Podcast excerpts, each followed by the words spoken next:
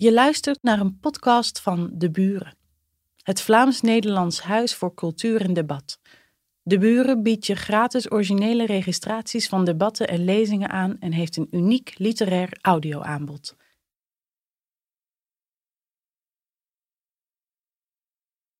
Goedenavond en welkom, dames en heren, beste studenten, waarde collega's, eh, ook waarde gastheren en gastvrouwen van de buren. Hartelijke dank om hier vanavond te zijn. Het is mij een genoegen uh, om deze lezing samen met onze partnerorganisatie De Buren over China en de Chinese grondwet, of hoe we die tenminste moeten interpreteren, te kunnen inleiden. U weet, vanavond hebben wij een uitgelezen panel van sprekers met uh, collega Holslag, die u heel vaak in allerlei kanalen ziet opduiken als China-expert en expert geopolitiek. Met mevrouw Annette Nijs, die vanuit een economische persoonlijke expertise zal praten. Onze moderator Michiel Hulshof, uh, Nederlandse China-kenner. En met Stefan Blommaert, journalist van de VRT, die onlangs een boek schreef over Xi Jinping. Ik ga niet te lang zijn in mijn inleiding, aangezien we al een klein beetje over uh, tijd zijn. Maar ik zou nog in herinnering willen brengen, zeker voor de studenten, dat deze activiteit kadert in het project We Connect Brussels, een gezamenlijk initiatief van de VUB en de ULB, dat onze rector Caroline Pauwels heel erg nauw aan het hart ligt.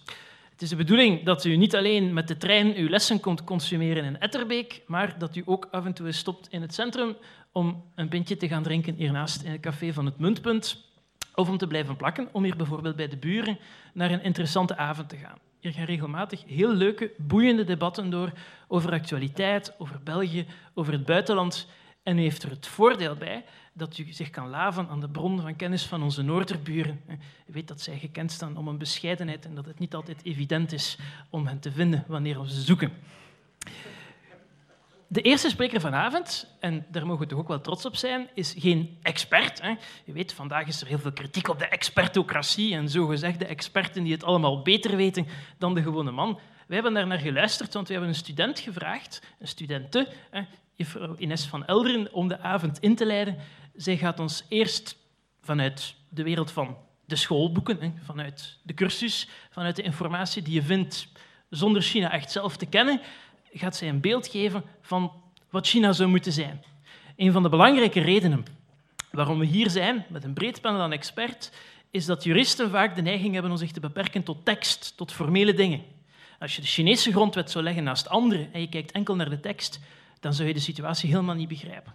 En vanavond gaan we door heel dat proces, van kijken naar een object van op afstand tot commentaar door mensen die er van dicht, van heel nauw bij betrokken zijn.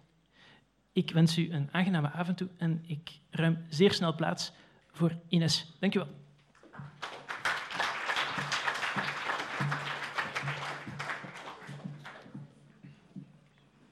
Goedenavond, dames en heren, en welkom bij het debat over de constitutie van China. Ik ben Ines van Elderen en ik ben een eerstejaarsstudente rechten aan de Vrije Universiteit Brussel.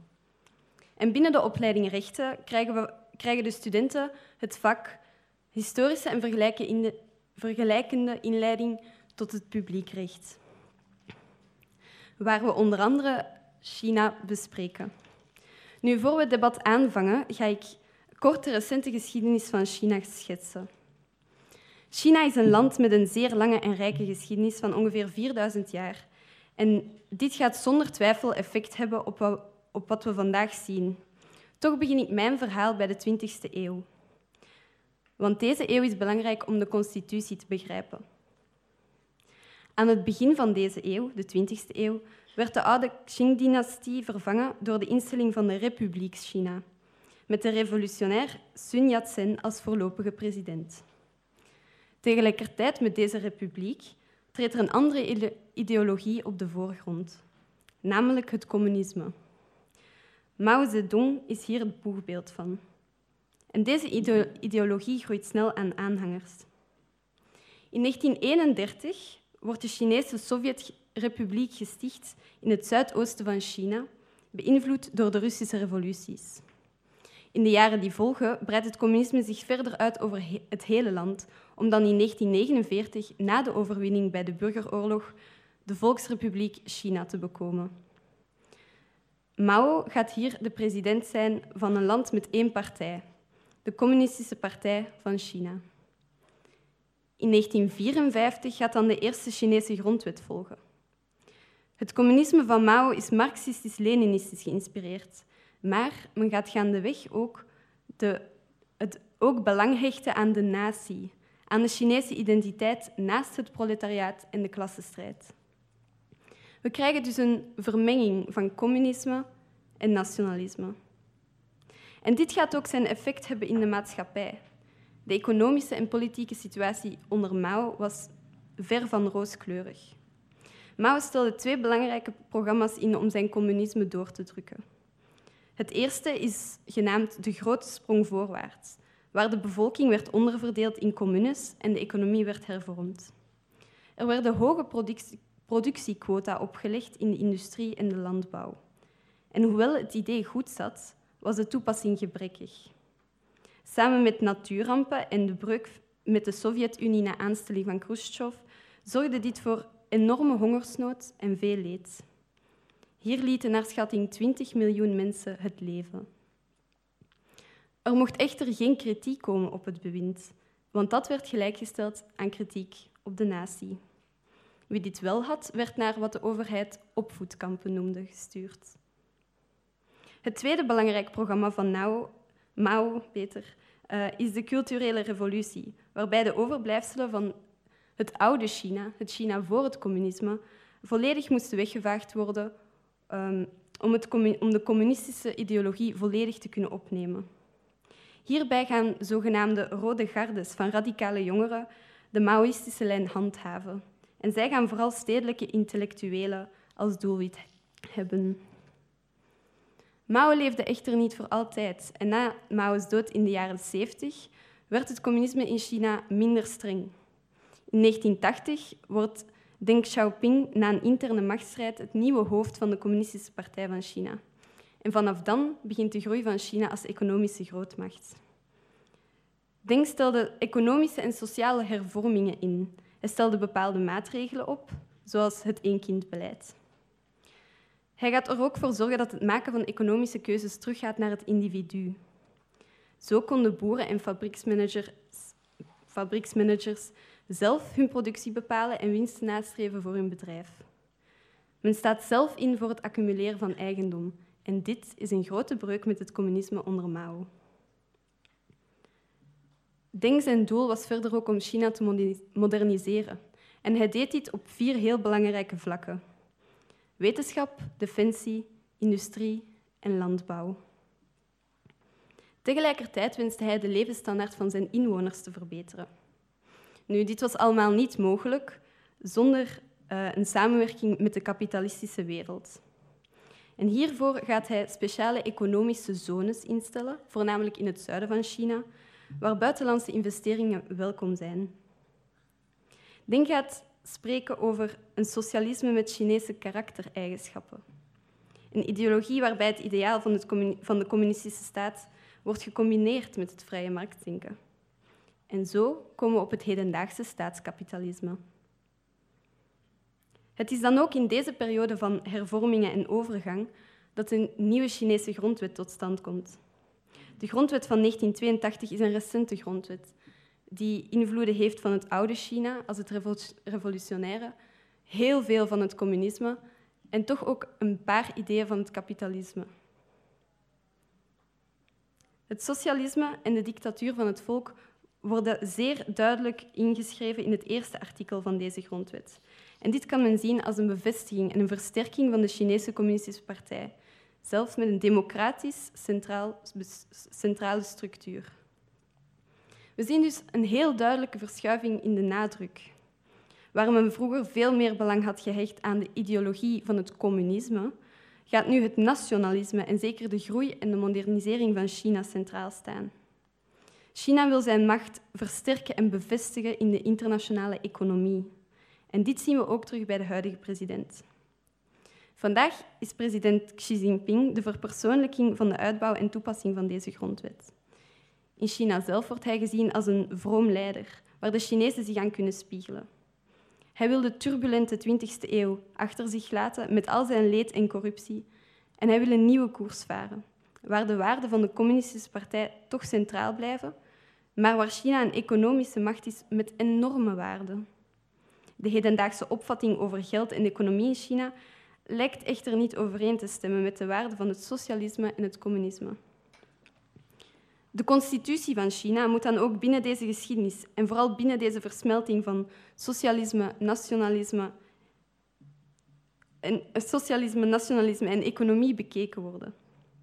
En dan geef ik graag nu het woord aan de moderator. Ik wens jullie nog een zeer fijn debat toe.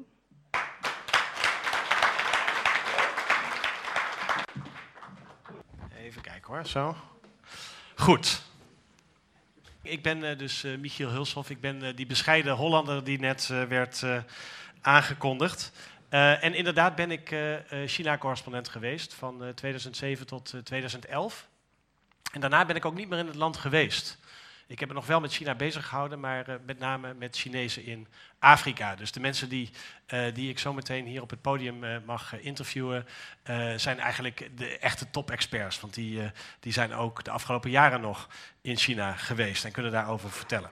Um, het gesprek zo meteen zal, zal gaan over eigenlijk twee vragen. De eerste vraag natuurlijk over die grondwet hè, en, en wat dat nou betekent. Wat voor land is China nou eigenlijk? En hoe moeten we daar, dat is de tweede vraag, als Nederland en België of Europa uh, mee omgaan? Um, maar ik was wel even benieuwd, gewoon om te weten wie, wie er in de zaal zit. Wie, wie hier is eh, student en, en, zit hier vanwege de opleiding? Even uh, handen, ja? Oké, ongeveer een derde, de helft. Ja. En wie van jullie, wie van iedereen is wel eens in China geweest? Oh, dat zijn er niet zoveel. Wie, wie wil er binnenkort naartoe? ja, dat zijn er iets meer. Nou goed, misschien na vanavond vraag ik dat nog een keer. En dan uh, kijken we of het er meer of minder uh, zijn geworden. Um, er zijn drie absolute top-experts die, uh, die u gaat horen, dus u zit hier goed. Um, ik kondig ze allereerst even alle drie aan en dan geeft u ze gewoon een hartelijke applaus. en dan krijgen zij ook een microfoon. de eerste is hoogleraar internationale politiek aan de Vrije Universiteit Brussel, Jonathan Holslag.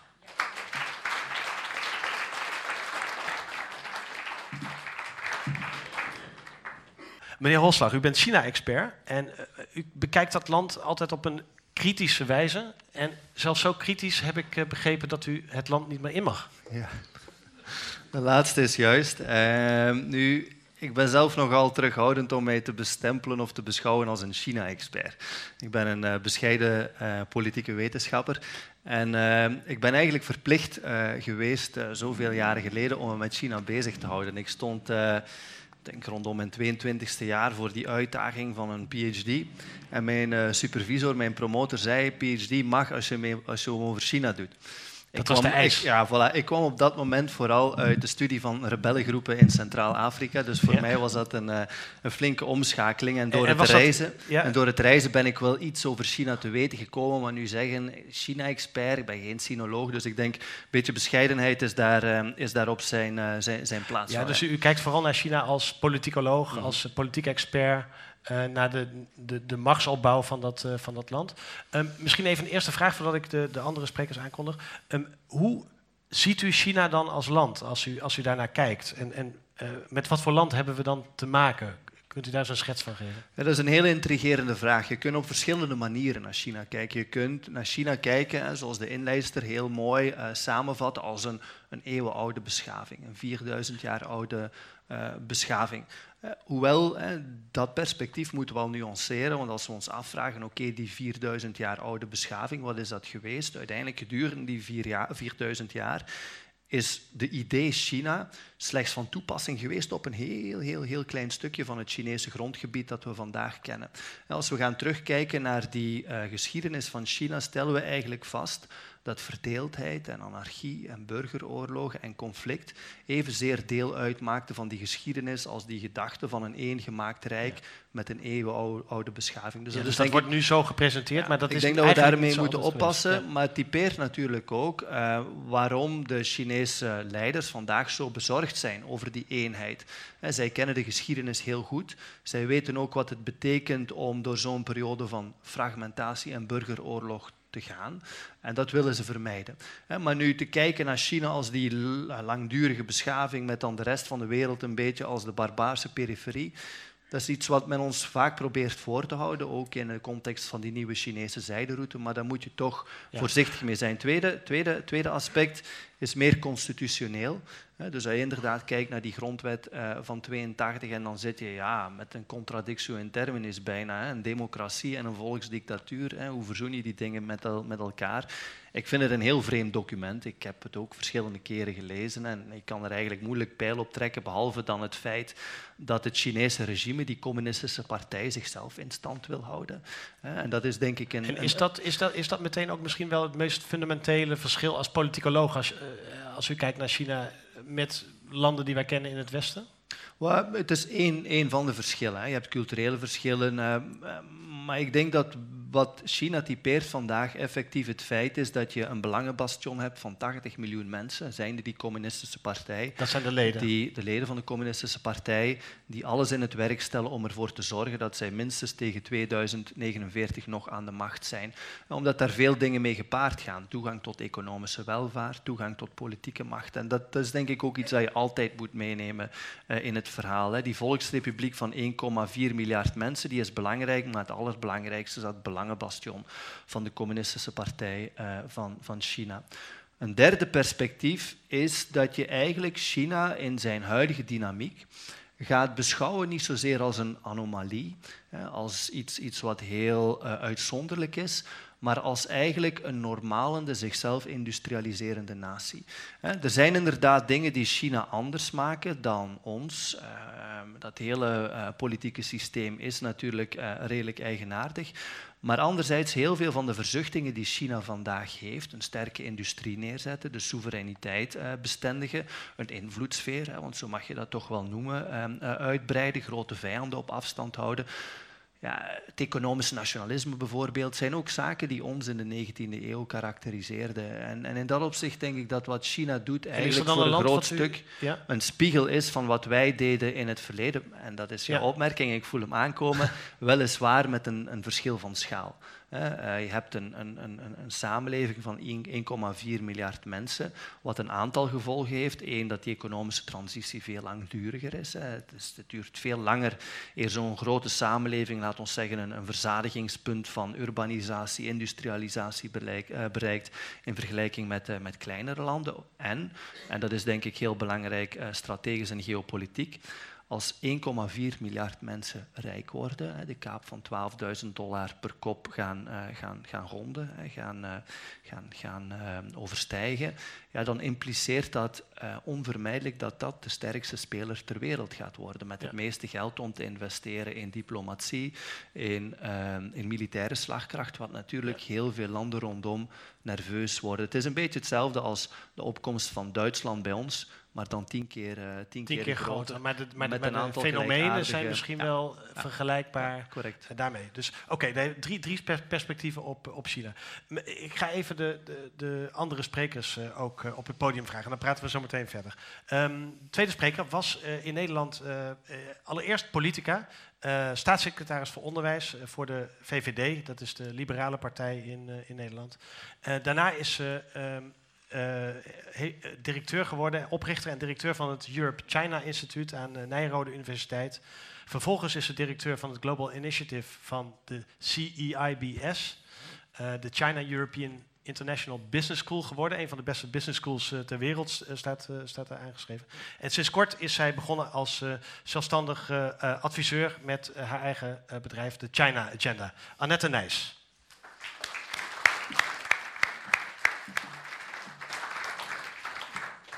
Ja, mevrouw Nijs, um, um, ik weet, u bent al enorm lang met, uh, met China bezig, terwijl u uh, een microfoon opkrijgt.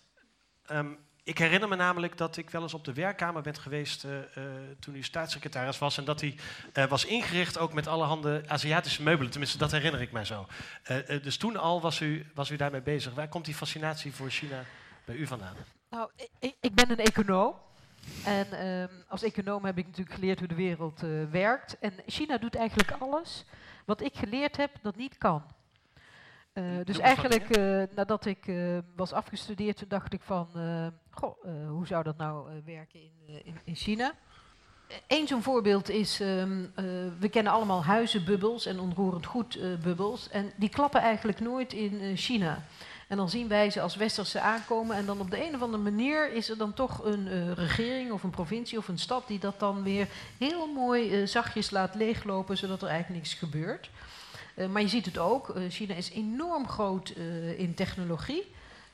maar ja, maken ze dat eigenlijk zelf? Nee, dat maken ze helemaal niet zelf. Hè. Ze importeren het, het meeste. En zijn toch in staat om de wereldleider te worden op heel veel technologische ontwikkelingen. Nou, en zo kan ik wel doorgaan. Dus ze doen echt heel veel dingen waarvan ik denk, schulden.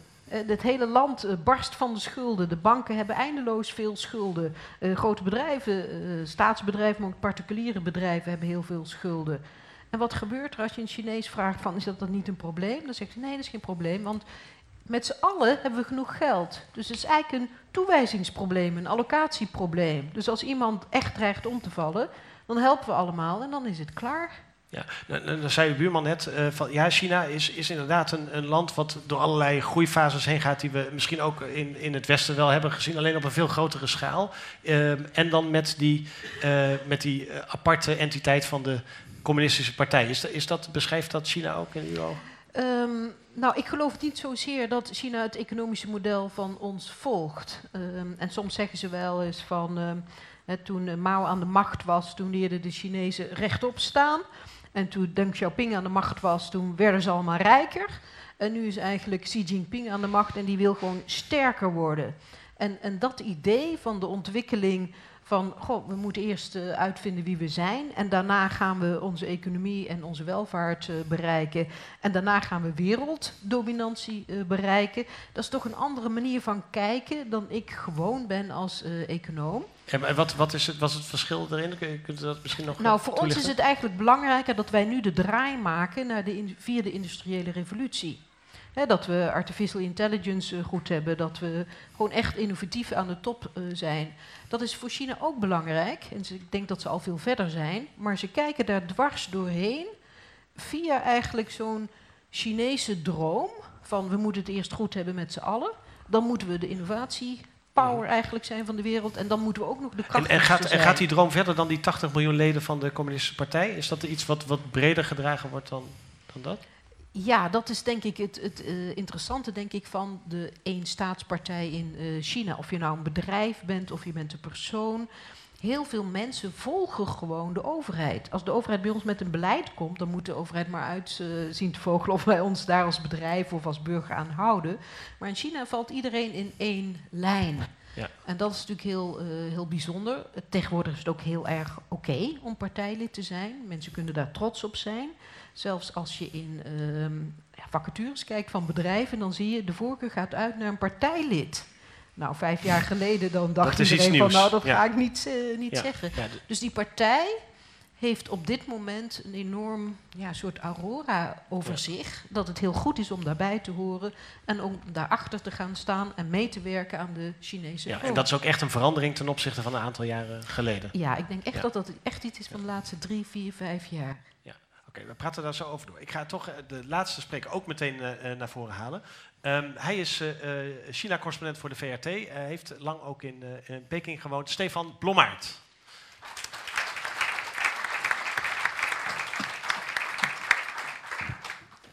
En dan zeg ik alvast even dat wij uh, het, het, programma een beetje hebben omgegooid ten opzichte van uh, wat we eerder van plan waren. Uh, mede omdat Jonathan Hoslag op een gegeven moment het panel moet gaan verlaten om naar Parijs te gaan. dus kijkt u niet raar op als hij ineens opstaat en vertrekt. Dan, ja. En u houdt zelf de tijd bij, neem ik aan, toch? Daar ja? is de klok. Oh, kijk, daar hangt een klok hier heel goed. Ja. Oké. Okay. Stefan Blommaert, u heeft inmiddels een microfoon. Um, u bent net terug uit Xinjiang. Ja, klopt. Wat heeft u daar gedaan? Wel, ik ben in Xinjiang gaan... Het westen van China, hè? Kijken, ja. dat is uh, de meest westelijke provincie. Ja. die grenst aan een heleboel landen. Kazachstan, Pakistan, Kyrgyzstan en nog een heleboel andere. en ja, al Overwegend jaren, moslim, ja. al ja, ja eh, de, de oorspronkelijke bevolking daar, hoewel ook daar discussie over is, maar eh, een van de autochtone eh, bevolkingsgroepen, dat zijn de Oeigoeren. De Oeigoeren dat is een Turks sprekende eh, minderheid in China. Eh, zij zijn helemaal niet wat wij eh, als Chinezen beschouwen. Zij zien er ook anders uit. En zij zijn overwegend moslim. En in Xinjiang vertegenwoordigen zij ongeveer 45 procent van de bevolking. Nu, waarom Xinjiang? Wel, omdat de afgelopen jaren steeds meer berichten opduiken in de media, eh, in parlementen, in politieke kringen, onder mensenrechtenorganisaties, over de eh, belabberde toestand waarin die Oeigoeren zich bevinden, de onderdrukking eh, door de Han-Chinezen, de Chinese meerderheid. Ehm, de Oeigoeren zitten sinds enkele jaren met het grote probleem dat zij riskeren om in ja, heropvoedingskampen terecht te komen als zij niet in de pas lopen van de Han-meerderheid. En, en wat betekent dat in de pas lopen? Wanneer, eh, Wel, in de pas lopen betekent dat zij eh, zich niet te zeer met hun godsdienst mogen bezighouden. Een van de voorbeelden die genoemd worden, eh, vrouwen die een hoofddoek dragen of mannen met te lange baarden, eh, die worden beschouwd als zijnde besmet door extremistische ideeën. Ja. En dat kan een van de redenen zijn om naar zo'n detentiekamp te gaan. ja.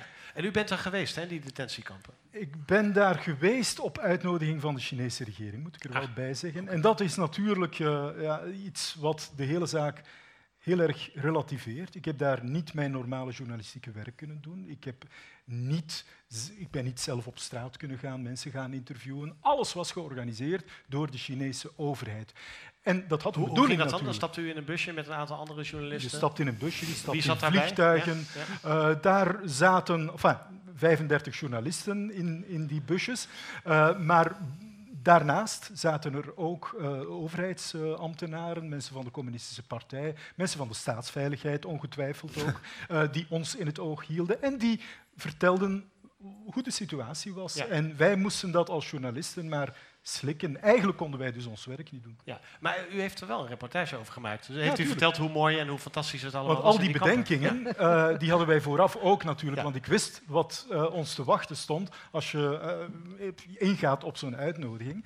Maar wij hebben de, ons de bedenking gemaakt, ja, het is een unieke kans om toch iets te vertellen over dat systeem van die heropvoedingskampen. Want daar is zoveel over te doen geweest in de media het afgelopen jaar, want de eerste berichten daarover zijn verschenen in de lente van, van vorig jaar.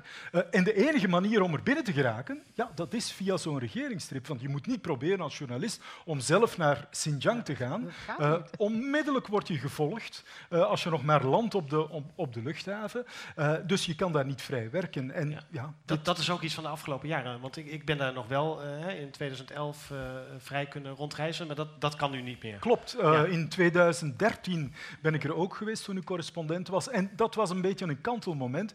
Ik heb nog half vrij kunnen werken, maar ben dan toch ook opgepakt. eh, na interviews op straat, eh, naar het politiekantoor gebracht, mijn eh, tolk ondervraagd.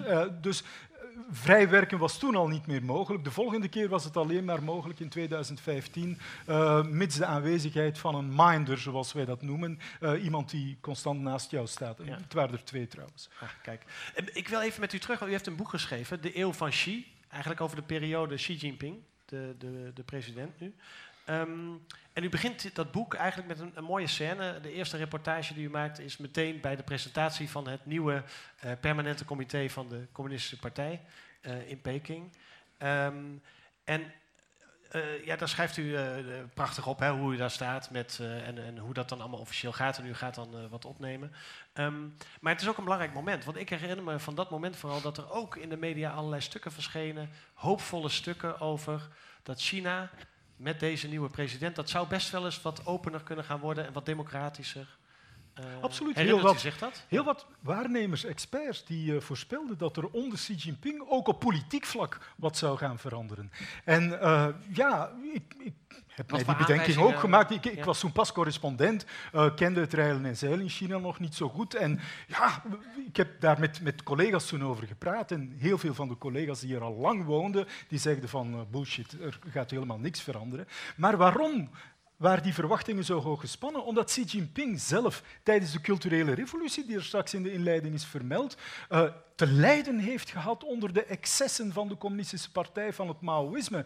Zijn vader, die een hooggeplaatst politiek figuur was in de jaren 50, is hij zelfs vicevoorzitter van het Chinese parlement geweest. Zijn vader is in ongenade gevallen en tijdens de culturele revolutie is de hele familie uh, uit de, de stad naar het platteland uh, om daar ja, dwangarbeid te gaan verrichten. Ook Xi Jinping, hij was toen 15 of 16 jaar geloof ik, eh, heeft een tijd lang in een grot gewoond met, met medestudenten, uh, heeft dus verschrikkelijke vernederingen ook moeten ondergaan. En je zou kunnen denken vanuit ons, onze westerse visie dat iemand die zoiets heeft meegemaakt, dat hij gaat beginnen nadenken over dat systeem en over de communistische partij. Niet zo bij Xi Jinping. Hij deed juist het omgekeerde. Hij is hij wou absoluut lid worden van de Communistische Partij, eerst van de, van de jongere uh, liga van de Communistische Partij. Dat is ook gelukt. En hij heeft een steile opgang gemaakt in de hiërarchie van de partij. Was de voorbeeldige leerling. En zo heeft hij het uh, tot uh, secretaris-generaal van de partij en tot president. Ja, precies. Maar dat hele idee wat toen ontstond, dat, dat leeft nu helemaal niet meer, toch, onder journalisten? Nee, nee, nee, absoluut niet. Want als we terugkijken naar 2012, hè, toen het 18e partijcongres, het is op politiek vlak alleen maar achteruit gegaan. Uh, de, de, vrijheden zijn teruggeschroefd. Het internet, dat al niet echt open was op dat moment, is nog veel geslotener geworden. Controles op de bevolking. Uh, de, de, macht van de communistische partij is erop uh, vooruit gegaan. dus op alle politieke vlakken is het onder Xi Jinping in onze ogen alleen maar erger geworden. Oké, dank.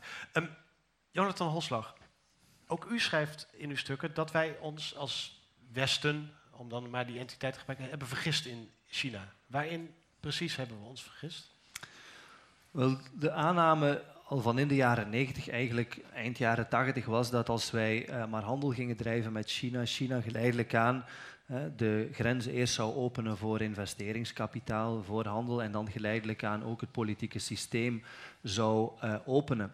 dus Even, na de handel? Uh, na de handel wel... volgt de politieke liberalisering. Nu wat uh, onder Deng, maar zeker ook onder het begin van het leiderschap van Jiang Zemin, vlak na de Tiananmen-crisis, um, eigenlijk heel stellig voorop werd ge geschoven, is dat China bereid was om een stuk buitenlands kapitaal in zekere zin een plek te geven, om daar, zoals Annette zegt, wat dingen vandaan te halen, technologie, kennis en ga zo maar door. maar dat de allerbelangrijkste verantwoordelijkheid van de partij erin bestond, één, uh, ervoor te zorgen vooral dat als er werd samengewerkt, dat um, de kracht en de macht uh, van de Volksrepubliek China te goede kwam. en ook dat er voldoende opvoeding, zoals dat dan heet, binnen en buiten de partij uh, zou worden nagestreefd om ervoor te zorgen dat men nooit overstag zou gaan voor de geleidelijke democratisering, zoals dat uh, uh, destijds genoemd werd, zijnde economische vooruitgang. Dus China is daar altijd heel duidelijk in geweest? De Chinezen hebben van begin af aan gezegd, oké okay, mensen, jullie mogen binnenkomen, jullie mogen wat investeren, maar wij geven onze constitutie niet op. Wij geven die dictatuur van het volk en het machtsmonopolie van de partij niet op de vraag is dan vooral waarom uh, zijn wij dan toch gaan handel drijven ja. en waarom zijn wij door het overdragen van onze technologie en door het toelaten van China om te exporteren eigenlijk mee gaan bijdragen aan de kracht van die eenpartijstaat, hebben de dictatuur in China helpen sterk maken. Daar zijn ik, ik, heb nog een andere vraag, voordat we daar aan toe komen, want, want dat gaat heel snel. Maar um, de vraag is allereerst natuurlijk, als het zo duidelijk was dat China dat, dat nooit zou gaan doen, die, dat openstellen, die, die misschien die vrije pers toestaan, uh, wat democratie uh, toestaan, waarom werd dat dan steeds wel in allerlei beleidsstukken die u ook aanhaalt gezegd? Dat, dat maar bedoel je Chinese, Chinese nee, beleid, in, de, in onze beleidsteksten? Ja, ja. ja, dus die vraag wou ik dus net ja. beantwoorden. Er zijn een aantal verklaringen voor. Eerst en vooral uh, was de overtuiging bij onder andere president Bush, later ook bij Clinton, hele belangrijke gangmakers van het China-beleid in het Westen uiteraard, maar ook bij de Europese Commissie, dat we eigenlijk niet veel andere opties hadden. Dat als we China zouden laten schieten, uh, dat er dan meer instabiliteit, onrust zou komen uh, en dat dat slecht was voor, uh, voor de hele wereld. Een ander aspect, en dat is heel belangrijk, is dat vanaf begin de jaren 90 heel veel grote westerse ondernemingen dachten dat ze gortig geld gingen verdienen in China. dat ze die grote Chinese consumentenmarkt hadden die, die ze konden bestrijken met hun, hun producten en diensten en dat ze vanuit China naar de rest van de wereld zouden kunnen, kunnen, kunnen produceren. Daar, denk ik, is een fase geweest met heel veel voortvarendheid en naïviteit voor, van bedrijven waar ze nu nog altijd een prijs voor betalen. Okay, wat u zegt er zijn die, nog altijd, er zijn nog land van Gouden Bergen, de grote bonanza. Er zijn relatief weinig westerse bedrijven die grote winsten draaien in China. Ze draaien allemaal grote volumes, hè. de omzet is heel groot, maar de winstmarges zijn erg klein en de offers die ze moeten brengen om deel uit te maken van die uh, Chinese economie, uh, die zijn, zijn, zijn gigantisch. Je hoeft de, de laatste rapporten van de, van de uh, Europees-Chinese Kamer van Koophandel maar te lezen. Hè. Gedwongen technologietransfer uh, bijvoorbeeld. Uh, ook het, het, het, afdwingen van het, het, delen van onderzoek en, en ontwikkeling.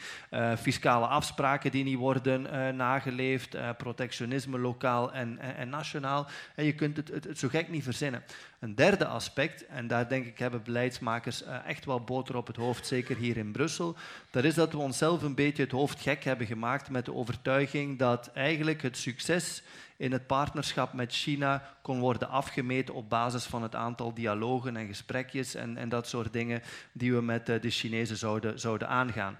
Hoe meer dialogen we met de Chinezen zouden, zouden, zouden hebben, hoe, hoe beter eigenlijk onze diplomatie het deed. En dan kom je tot een gekke toestand waarbij eigenlijk de um, uh, dialogen en de instrumenten een doel worden. We hebben dan om het jaar zo'n grote topbijeenkomsten met dan de Chinese president of de Chinese eerste minister doorgaans, die dan onze uh, leiders bezoeken. De belangrijkste betrachting is bijna procedureel. Dat is één, zorgen dat er zo'n leuke uh, verklaring uit zo'n summit komt en dan vooral ook dat de atmosfeer goed zit.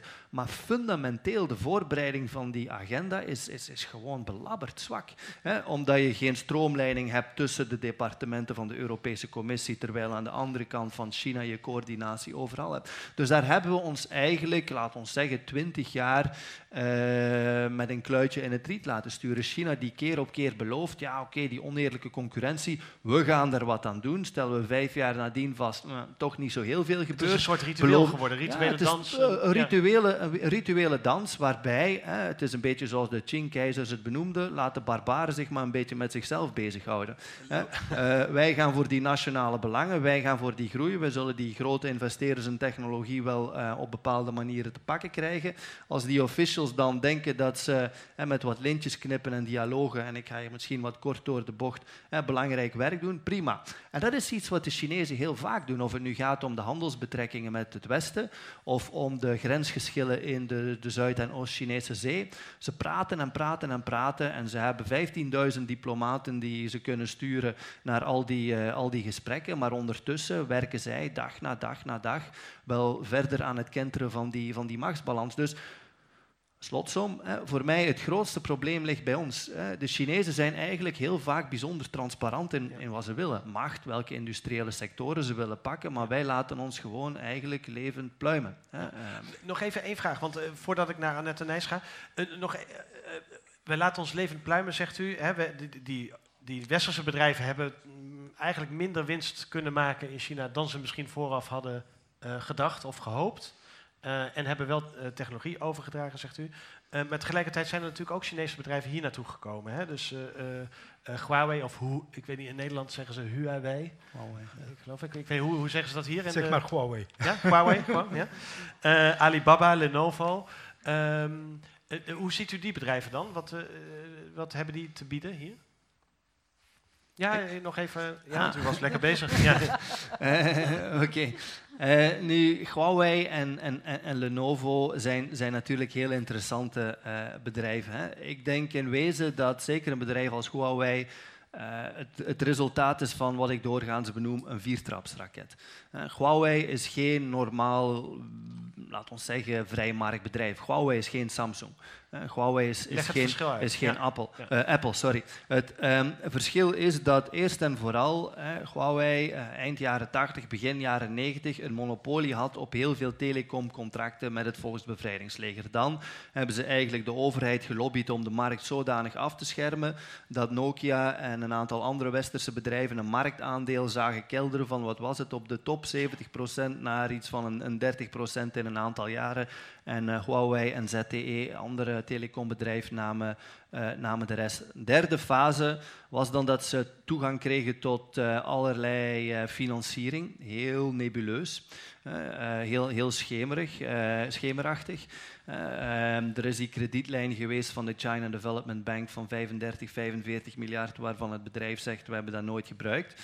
Er zijn ook een aantal uh, buy-ins geweest waar niemand zicht op heeft wie daarachter zit, maar het gaat wel om ettelijke miljarden. En zo zijn ze natuurlijk financieel komen, kunnen opschalen, um, opdat het bijna onmogelijk werd um, door concurrenten om ja, in zo'n prijzenslag het hoofd boven water te houden. En dan de vierde fase, en dat is waar we nu in zitten, dat is dus een stuk van die middelen gebruiken om nog meer technologie op te kopen en alle slimme ingenieurs van heel de wereld naar zich, uh, uh, naar zich toe gaan trekken en heel veel in te zetten op uh, marketing en promotie. Dus dat is geen normaal bedrijf. En wat mijn, grote, ja. wat mijn grote probleem is bij Huawei, is los van het hele spionageverhaal, en daar hebben we net zozeer, eh, denk ik, dat we mogen zeggen, een probleem met onze Amerikaanse vrienden, ehm, is het feit dat zich dat doorzet in andere sectoren. En je ziet zich dat nu ook manifesteren in eh, de ehm, hybride en elektrische auto's. Je ziet dat in eh, de vliegtuigen, in de spoorwegen. Het is een soort van financiële uitputtingsslag die tegen ons gevoerd wordt. Maar toch even dan, want eh, één ding is dan toch wel belangrijk. U ziet dat eh, dat, dat eigenlijk een functie is van de partij eh, eh, of van de staat, China. Of, of ziet u dat? maar ja. dat is ook zelfs niet helemaal een geheim. Je hebt een, eh, een GOFA, je hebt een opinie van de staatsraad waarin in tien pagina's uitgelegd staat wat dat de partij verwacht van de telecomsector en waarin heel duidelijk staat wat bedrijven als Huawei en ZTE horen te doen. Dus het is niet eens dat de Chinezen daar erg mysterieus over, over, over doen. Wat wel zo is, is dat zij enorm inspelen op de verdeeldheid van een buitenlandse kla- klanten. Je hebt dan wel wat kritiek hier en daar. Destijds Karel de Gucht, onze handelscommissaris, die dat is gaan onderzoeken, maar dan hebben ze de Fransen en de Duitsers zodanig onder druk gezet dat dat niet is, eh, is, is, is kunnen, kunnen doorgaan. En ook natuurlijk het enorme voordeel hebben van die staatsbanken om projecten in het buitenland te gaan financieren.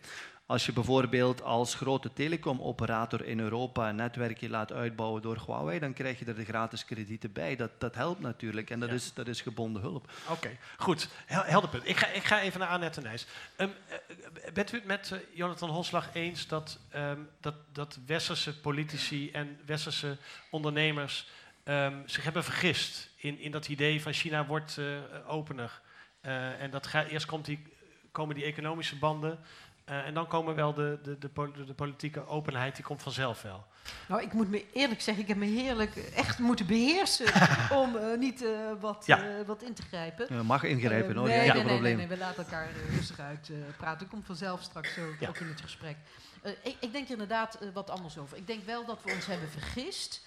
eh, maar tegelijkertijd denk ik, eh, ja, dat is ons probleem. Ja. Dat is niet eh, China's eh, probleem. Dus dat, dat moet je echt ook bij jezelf laten. Aan de andere kant denk ik ook, en ik heb tien jaar lang heel veel buitenlandse bedrijven in China gesproken. Of het nou Philips of Air Liquide, of het maakt niet uit welke bedrijven het zijn. Die zouden er echt niet weg willen. En niet alleen omdat ze daar gewoon veel geld verdienen, maar ook omdat ze zeggen van de innovatie is hier. Al die bedrijven hebben hun grote researchcentra in China opgezet. Dat doen ze niet omdat ze denken van nou, het is vervelend om technologie eh, eh, over te dragen. Dus het is ook heel erg dubbel. Als het ons uitkomt, zitten we aan de ene kant. En als het ons eh, die kant uitkomt, dan gaan we naar de andere kant hangen. Dus ik heb daar wel een beetje moeite mee. En ik denk dan ook als ik... ja, zie je, dit had ik net ook. Ja, ja, ja. Nee, maar dan denk maakt het ook, debat vrolijk, hè? Niet? Bijvoorbeeld als je naar Siemens kijkt. Siemens voor mij is echt een eh, leverancier van techniek aan de Chinese regering. En die varen daar ontzettend wel bij. Die zeggen gewoon van, op een gegeven moment hebben ze samen met een paar anderen eh, de snelle eh, treinen neergelegd. En toen heeft China gezegd van, ik geef jullie vijf jaar. En dan hebben jullie monopolie op dat gebied. Kunnen jullie heel veel geld maken. Na vijf jaar gaan we in een joint venture. En dan doen we dat nog een paar jaren. En daarna is het van ons.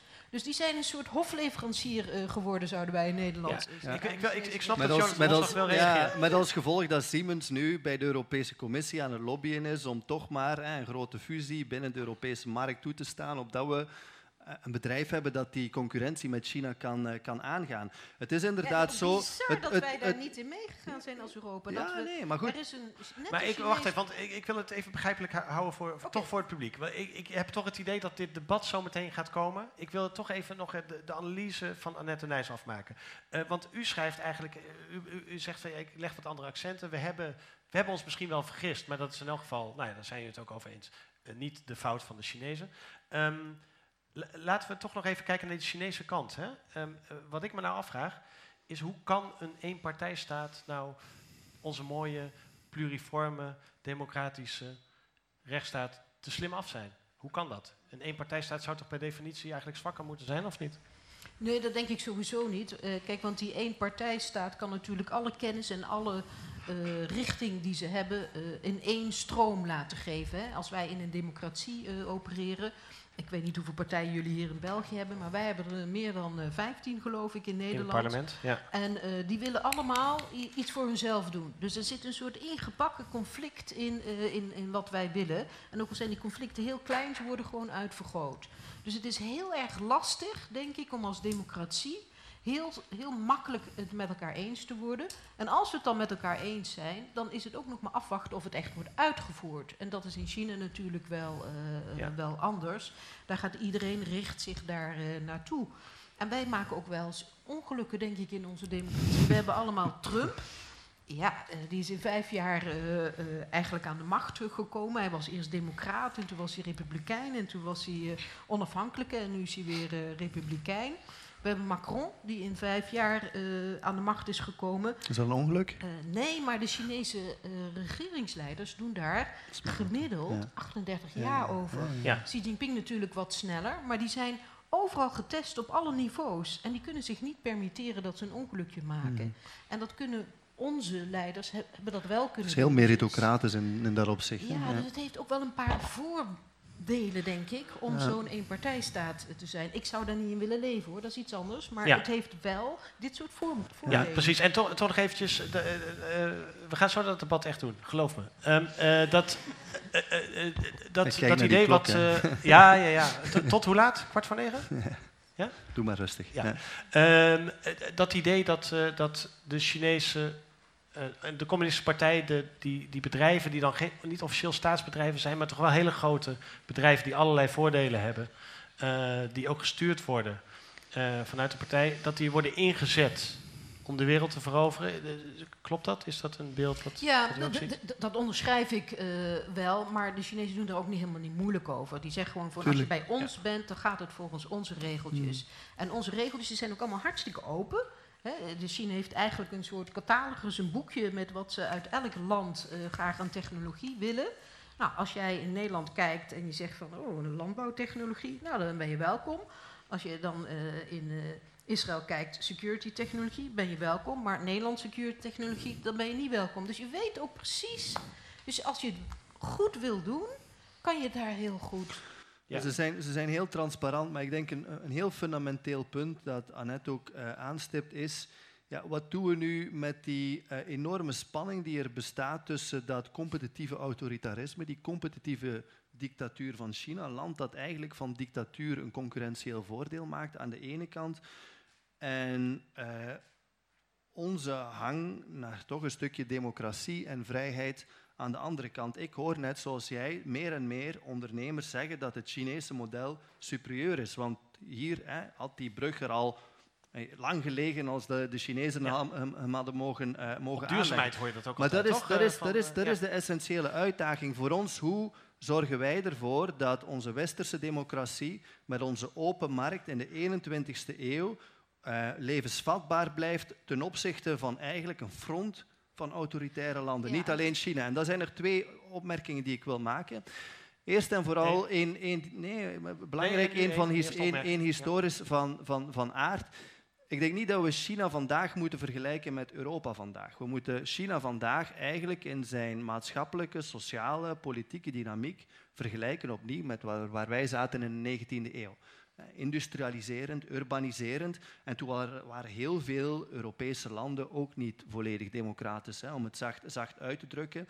Maar dan geleidelijk aan, met rijkdom en welvaart en de middenklasse, is er toch een bepaalde druk die een land dwingt hè, om een aantal hervormingen te overwegen. We moeten afwachten wat dat bij China wordt, omdat je daar natuurlijk een propaganda- en onderwijssysteem hebt, een stukje dat dat, dat, dat onderdrukt. Maar je ziet anderzijds toch ook heel veel rijke Chinezen die, die, die het systeem toch deels proberen te ontvluchten. Dus dat, dat valt, valt, denk ik um, uh, nog te bezien. Essentieeler, essentieeler, ja, essentieeler, ja, maar ik heb zijn vingertje al lang gezien. Essentieeler, denk ik, is dat China nog moet bewijzen dat het innovatief kan zijn. Wat China nu doet, is een stukje meeliften op eigenlijk een flink stuk van de fundamentele innovatieve doorbraken die in het Westen zijn gerealiseerd, die te optimaliseren.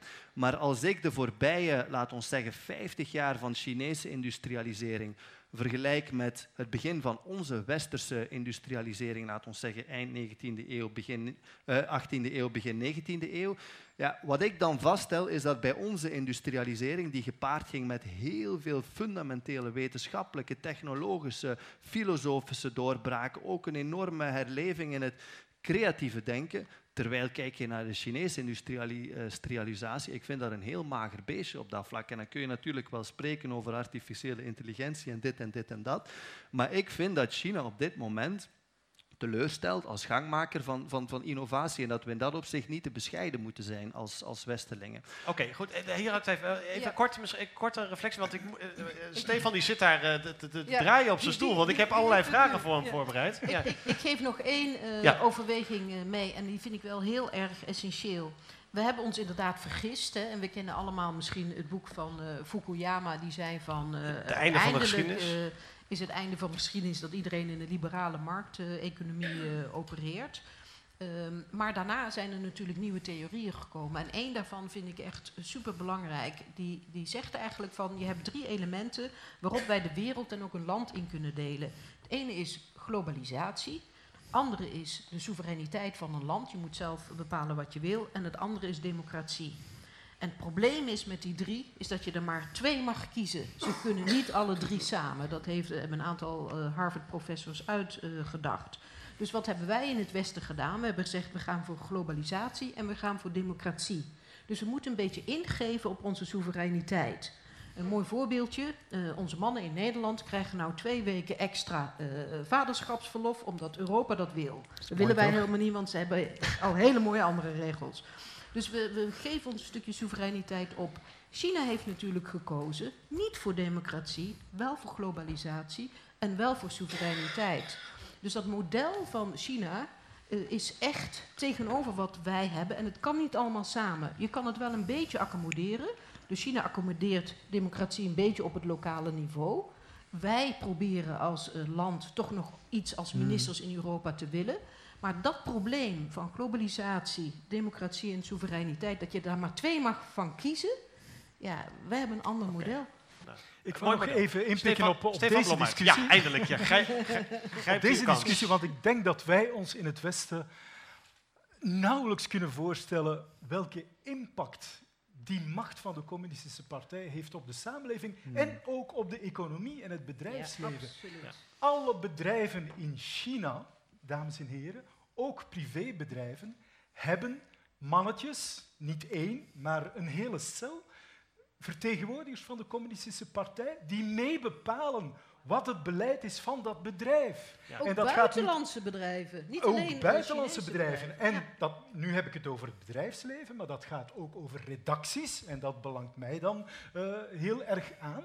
Elke redactie in China heeft iemand van de partij die mee bepaalt wat er in de ja. krant of op televisie of op radio verteld wordt. Ja. In het uh, militaire apparaat, in het leger, zitten mannetjes van, en vrouwtjes van de partij om mee te bepalen wat dat leger gaat doen. Enfin, er zijn nog veel andere manieren uh, waarop de communistische partij dat kan bepalen wat het leger precies gaat doen. Maar dat is de manier waarop het werkt in China. Ja. En als we dan zeggen van, ja goed, die brug die zou wel uh, snel gebouwd zijn. Ik zeg dat soms ook als boetade. Hè? Maar ik wil echt niet dat die brug volgens deze regeltjes wordt gebouwd. Nee, maar de, de, vraag is, willen wij dat soort staatskapitalisme en dictatuur nog langer toelaten? En dan hebben we het over soevereiniteit. Onze Europese markt, als dat ook steeds meer de spelregels internationaal begint te beïnvloeden. Ik denk dat dat de fundamentele... Ik heb het gevoel dat u vindt van niets. Ja. Dat dat de fundamentele... Nee, maar ik wil, ik wil maar als we dan toch even voor democratie en vrijhandel staan, ze hebben de moed, hebben de guts om op een gegeven moment te zeggen, stop. De Chinezen hangen nog altijd voor een flink stuk van een industrie, voor het voorbestaan van een industrie af van uitvoer. Als wij zeggen van gedaan, we hebben 30 jaar geprobeerd uh, samen te werken en, en, samen te lopen naar uh, bepaalde hervormingen. Dan, dan, dan, denk ik dat het uh, ook snel afgelopen is met die, ehm, dat, dat blazoengeschal in Peking van onze Chinese droom. die moet maar gedroomd worden door andere landen. Oké, ik, ik, nee, ik, wil toch eventjes in. Ik ga nu toch even in, want ik, ik snap, hè, u zit op hete kolen. Maar ik wil toch even nog het verhaal nog één stapje concreter nog maken met Stefan Blommaert. Eh, die ook nog misschien prachtig kan vertellen hoe niet alleen die partij invloed heeft op bedrijven, uh, maar waar je natuurlijk ook veel over hoort. En dat is allemaal gebeurd nadat ik China heb verlaten. Over hoe technologie wordt ingezet om niet alleen bedrijven, maar ook gewoon inwoners te controleren. De bevolking. Dat, de, de, communistische partij wil de hele maatschappij controleren. De maatschappij, alles wat er gebeurt in de maatschappij, maar ook de individuele bewoners van het land. En daar zijn ze volop mee bezig, met artificial intelligence. Uh, toen ik in China kwam wonen, hingen er al overal bewakingscamera's op straat. Nu, u zal zeggen, hier bij ons ook, meer en meer. In China gebruiken ze die bewakingscamera's niet alleen om verkrachters en dieven te vatten, maar ze gebruiken die ook om elk individu te controleren in alles wat dat individu doet. En ze hebben zelfs een toekomstvisie daarvoor het social credit system, waarmee ze op het einde van elk jaar, dat is op dit ogenblik nog niet het geval, maar dat is een zijn plan. Er zijn wat experimenten mee, toch? Daar zijn experimenten in verschillende steden mee, onder meer ook in Xinjiang, waar ik geweest ben. Uh, ze, met dat social credit system willen ze de, elk individu punten geven. En dat kan dan gaan van uh, in het verkeer, hoe gedraagt die persoon zich? Loopt hij door het rode licht? Dat kan heel gemakkelijk gecontroleerd worden door die bewakingscamera's. Uh, die persoon, betaalt hij zijn leningen op tijd af? Uh, die persoon, welke resultaten heeft hij op de universiteit? Er zijn andere manieren om dat te weten te komen, maar dat komt mee in dat social credit system. Met welke persoon, en dan wordt het helemaal uh, angstaanjagend, met welke andere personen heeft die mens contact gehad? En wat voor soorten contacten waren dat? En dan, ja, zaken die ook bij ons gebeuren natuurlijk, uh, waar gaat hij kopen? Wat koopt hij? Dat, dat hebben we bij ons ook, want een heleboel, daar hebben we het er straks over gehad, een heleboel van die elementen van dat social credit system vind je bij ons ook. Maar het uiteindelijke doel is bij ons helemaal anders dan wat men in China voor ogen heeft. Hmm. Ja, toch even concreet, wat, wat is het doel dat dan voor de partij voor ogen staat? Op het einde van het jaar krijgt men dus een rapport, zoals op school. Daar staan punten op en afhankelijk van die punten kan je makkelijk of minder makkelijk een, een uh, lening afsluiten. Kan je makkelijk of minder makkelijk, en dan wordt het al wat trickier, een paspoort krijgen om naar het buitenland uh, te gaan. Kan je in die universiteit of in een betere universiteit je laten inschrijven. Een heleboel voorwaarden, want men is nog volop bezig met het uitwerken van dat systeem, maar als je erover begint na te denken, dan uh, is het echt heel angstaanjagend. Ja, toch even nog één vraag voordat we dan uh, gaan kijken naar hoe we daarop moeten reageren. Um, hoe, hoe, kijkt, want u heeft daar ook over gesproken met uh, gewoon, uh, gewone Chinezen, uh, die daar helemaal niks mee te maken hebben met het ontwerpen van dat systeem. hoe kijken die daarnaar? Ja, natuurlijk. Wij in onze westerse arrogantie denken dat uh, alle Chinezen streven naar vrijheid en onze democratie, dat is nonsens. Uh, de gewone gemiddelde Chinees is bezig met zijn levensstandaard verbeteren. En de communistische partij helpt hem of haar daar aardig bij. Dus de gemiddelde Chinees is echt wel hmm. tevreden over Die heeft ook geen last van dat social credit heeft En als je dan begint te discussiëren met mensen, dan zeggen zij, ja maar als je niks fout doet, dan is er toch geen enkel probleem. Dus ons leven wordt er alleen maar beter door. Dankzij, volgt heel vaak het zinnetje, dankzij het beleid van de communistische partij. Dus wij moeten wel oppassen met uh, onze ideeën overplanten in de hoofden van, hoofden van de Chinezen. Maar dat is, nee, nee, nee, maar daar ben ik het niet mee. Kijk, ik denk niet dat wij ons model moeten gaan proberen te transplanteren naar China. Elke samenleving heeft het recht voor zich uit te maken wat, uh, wat het de meest zinvolle politieke organisatie acht. Ik denk wel dat wij voor onszelf willen uitmaken of dat wij zo'n speler willen helpen in het uitbouwen van zijn internationale macht. Want dat is hetgeen wat we nu aan het doen zijn, wat we 30 jaar lang hebben gedaan en waarvan ik denk dat het moet stoppen. We hebben 30 jaar lang geprobeerd met de Chinezen één te streven naar een evenwichtige handel en een gelijk uh, investeringsspeelveld, dat is er niet gekomen. We hebben 30 jaar geprobeerd om een dialoog aan te gaan, bijvoorbeeld over uh, international governance, global governance. Nauwelijks resultaten geboekt, dus we zitten muurvast. Uh, en ik denk dat je jezelf dan in de spiegel durft uh, kijken. Ik hoor al die politici, hè, onze liberalen, hè, u komt uit de VVD op kop van vrijheid en democratie. Maar als dan puntje bij paaltje komt, dan Laat ze vallen als een baksteen. Nee, maar je moet durven consequent zijn. Ja, maar wie zijn wij? Als je nou kijkt naar al die bedrijven die in uh, China zitten, al die buitenlandse bedrijven.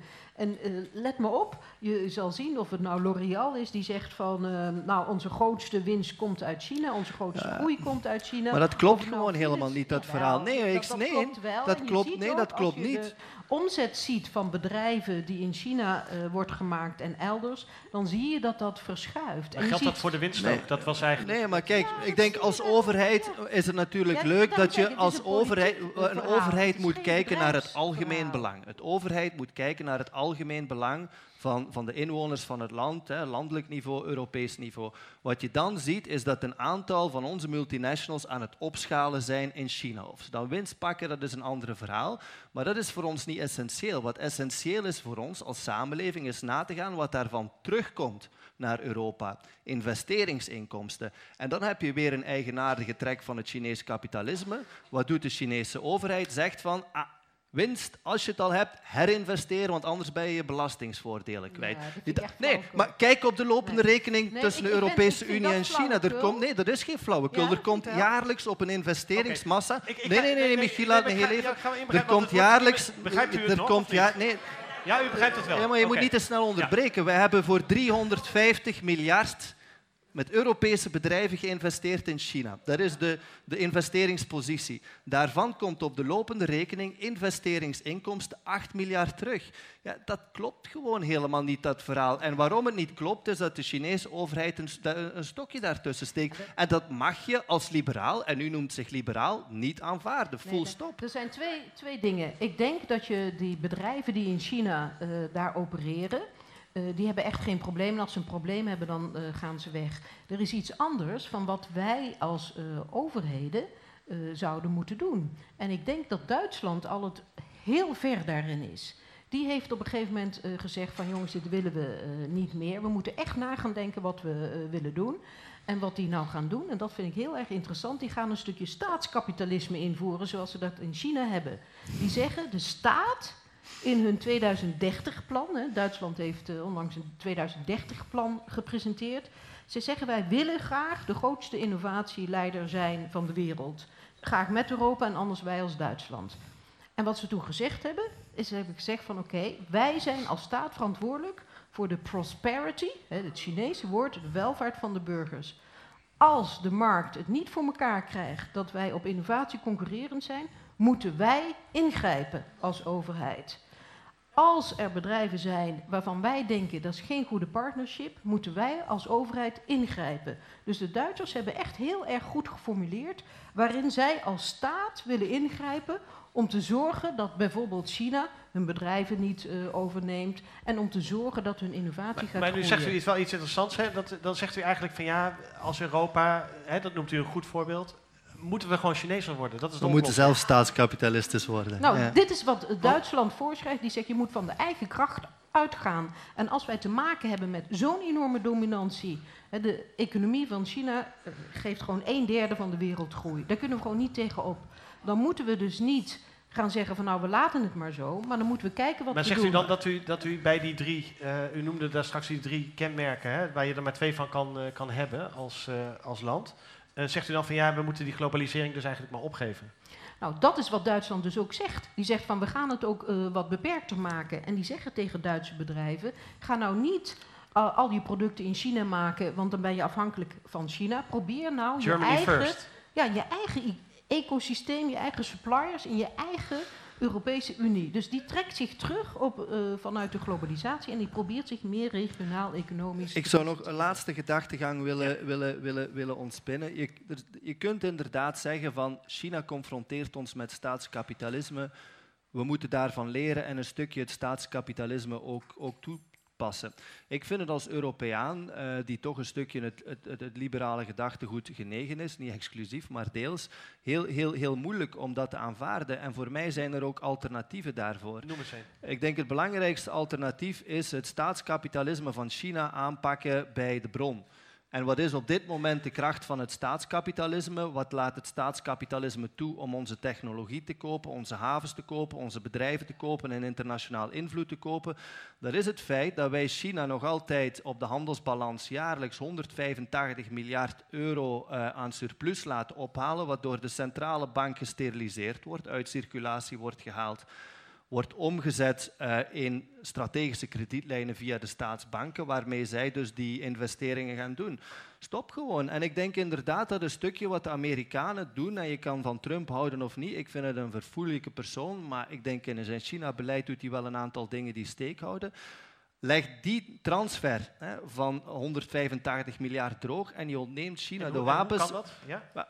Hoe, hoe, dat, dat kan. Ja, Heel eenvoudig. We gaan, we gaan met China onderhandelen. Als zij stappen zetten in de richting van het uh, evenwichtig maken van de handel en het ontwikkelen van een eerlijk speelveld, dan laten we het zoals het is. Als we ieder jaar hè, evalueren wat ook de Amerikaanse intentie is en we stellen vast dat ze dat niet doen, dan gaan de tarieven omhoog. Dan gaan, dan, gaan, dan gaan de tarieven omhoog. Ja, maar wie pak Ja, je um, dan? Je pakt niet China, dat is het hele probleem. Ja, met- maar dat is, dat is natuurlijk het verhaal. Argument. Nee, niet? nee, Omdat de import en export van China op dit moment maar zo'n klein Nee. onderdeel is van hun economische groei. Nee. Daar zijn ze al lang niet meer van afhankelijk. Nee, Ze daar zijn ze nog wel van afhankelijk. Dus Dus je kunt ze nee, daar je, hebt het, je kunt ze daar heel goed absoluut niet. We hebben weer wat cijfers nodig, heel kort. Heel veel van de Chinese investeringen, hè, dus wat er eigenlijk is gebeurd sinds de jaren 80, de communistische partij heeft een transfer gegenereerd van 7500 miljard orde van grote dollar van de gezinnen naar de bedrijvensector. Heel veel van die investeringen zitten in de maakindustrie. Wat is de capaciteit van de Chinese maakindustrie? Ongeveer 20% van die capaciteit is onbenut, overcapaciteit zoals dat dan heet. Dan heb je ongeveer 40% van die capaciteit die wordt uitgevoerd en dat aandeel neemt toe, niet af. Ik kan de cijfers eh, met u delen, we zetten ze op, op internet, dan heeft iedereen ze. Ehm, het aandeel van de binnenlandse vraag in China ehm, eh, neemt dus niet toe, maar neemt af pak je China op die exportafhankelijkheid van, van, van, van de bedrijven, dan zet je ze echt wel een pad in de korf. Want dan komen heel veel van die industrieën in de problemen. Dat gaat via de staatsbank. Je hebt een, een, een, een, een probleem. China heeft op dit moment nog wat ruimte om dat eh, te absorberen, omdat de gezinnen nog altijd veel sparen. Maar je komt nu tot het punt, en kijk naar de balansen van de, van de Centrale Bank van China, waarbij de gezinnen minder beginnen sparen hè, en de bedrijven nog altijd heel zwaar lenen. En ik denk dat het eindpunt stilaan in zicht je, is. je ik- hebt een discussie over de, over de 15 feiten of niet? Ja, ik wil even 15 seconden dan, eh, want jij neemt heel veel woorden, zoveel heb ik er helemaal niet nodig. Als je nu kijkt naar de economische groei van China, die is niet afhankelijk van de handel. Dat is ook het probleem. Eh, China zegt gewoon van dat is jouw probleem, Amerika, niet ons probleem. Want dat, wij zijn er niet meer van afhankelijk. Jullie hebben te veel eh, geconsumeerd. Jullie zitten met dat grote gat. Dat moeten jullie zelf maar oplossen. Ja, maar de overheid En- en zegt ook dat het ziet, laten we nu even een keer 6,5% uitpraten. groeit. Jij Klopt ook een niet. aantal minuten. Laat me nu Ja. heel even gewoon kort eh, iets zeggen. Wat je nu ziet, de lonen in Amerika zijn zo laag geworden, bijvoorbeeld in de auto-industrie, ten opzichte van China, dat de wereld gaat op zijn kop staan. China gaat nu alles outsourcen naar Detroit.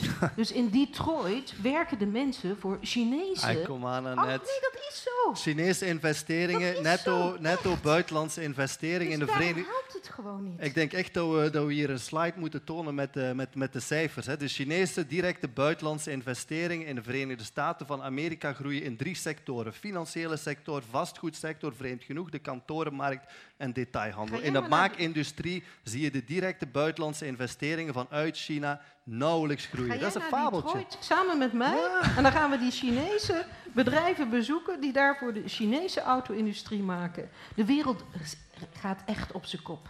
En wij Ik heb onze Stefan Blommaert, jij, als, eh, jij, jij zit al een tijdje zo te luisteren naar deze twee. Ehm, Ja, kun, kun jij, kun jij orde in deze chaos scheppen?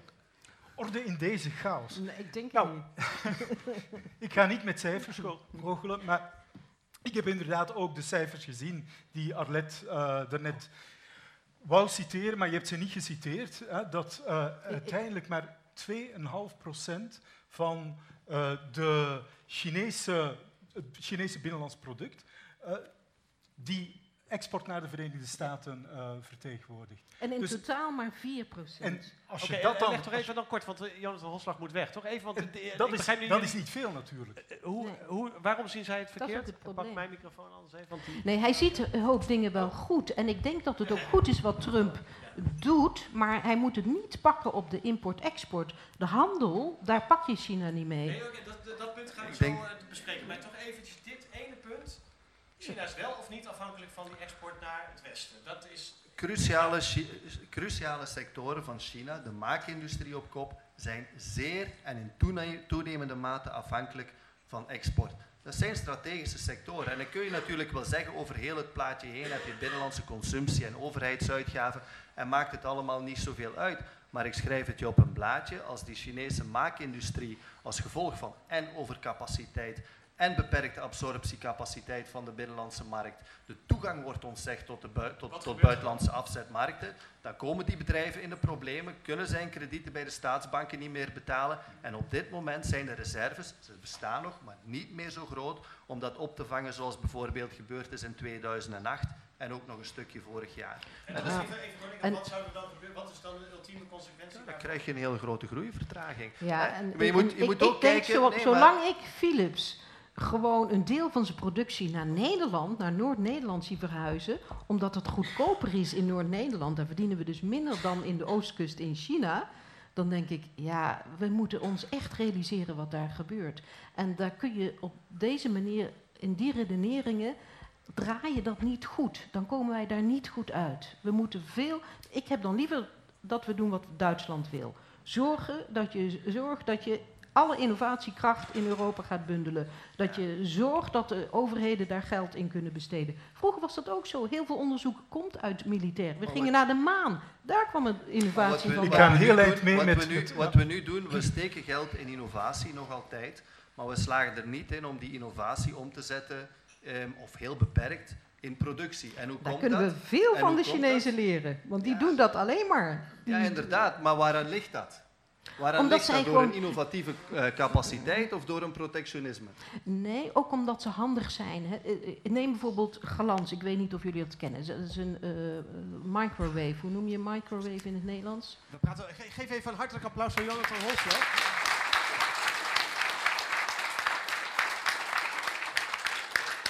Dan, we praten... Stefan Blommaert, kom, kom Ja, wat kom dichterbij er- zitten, ja. want dan eh, ja, doen we even een changement.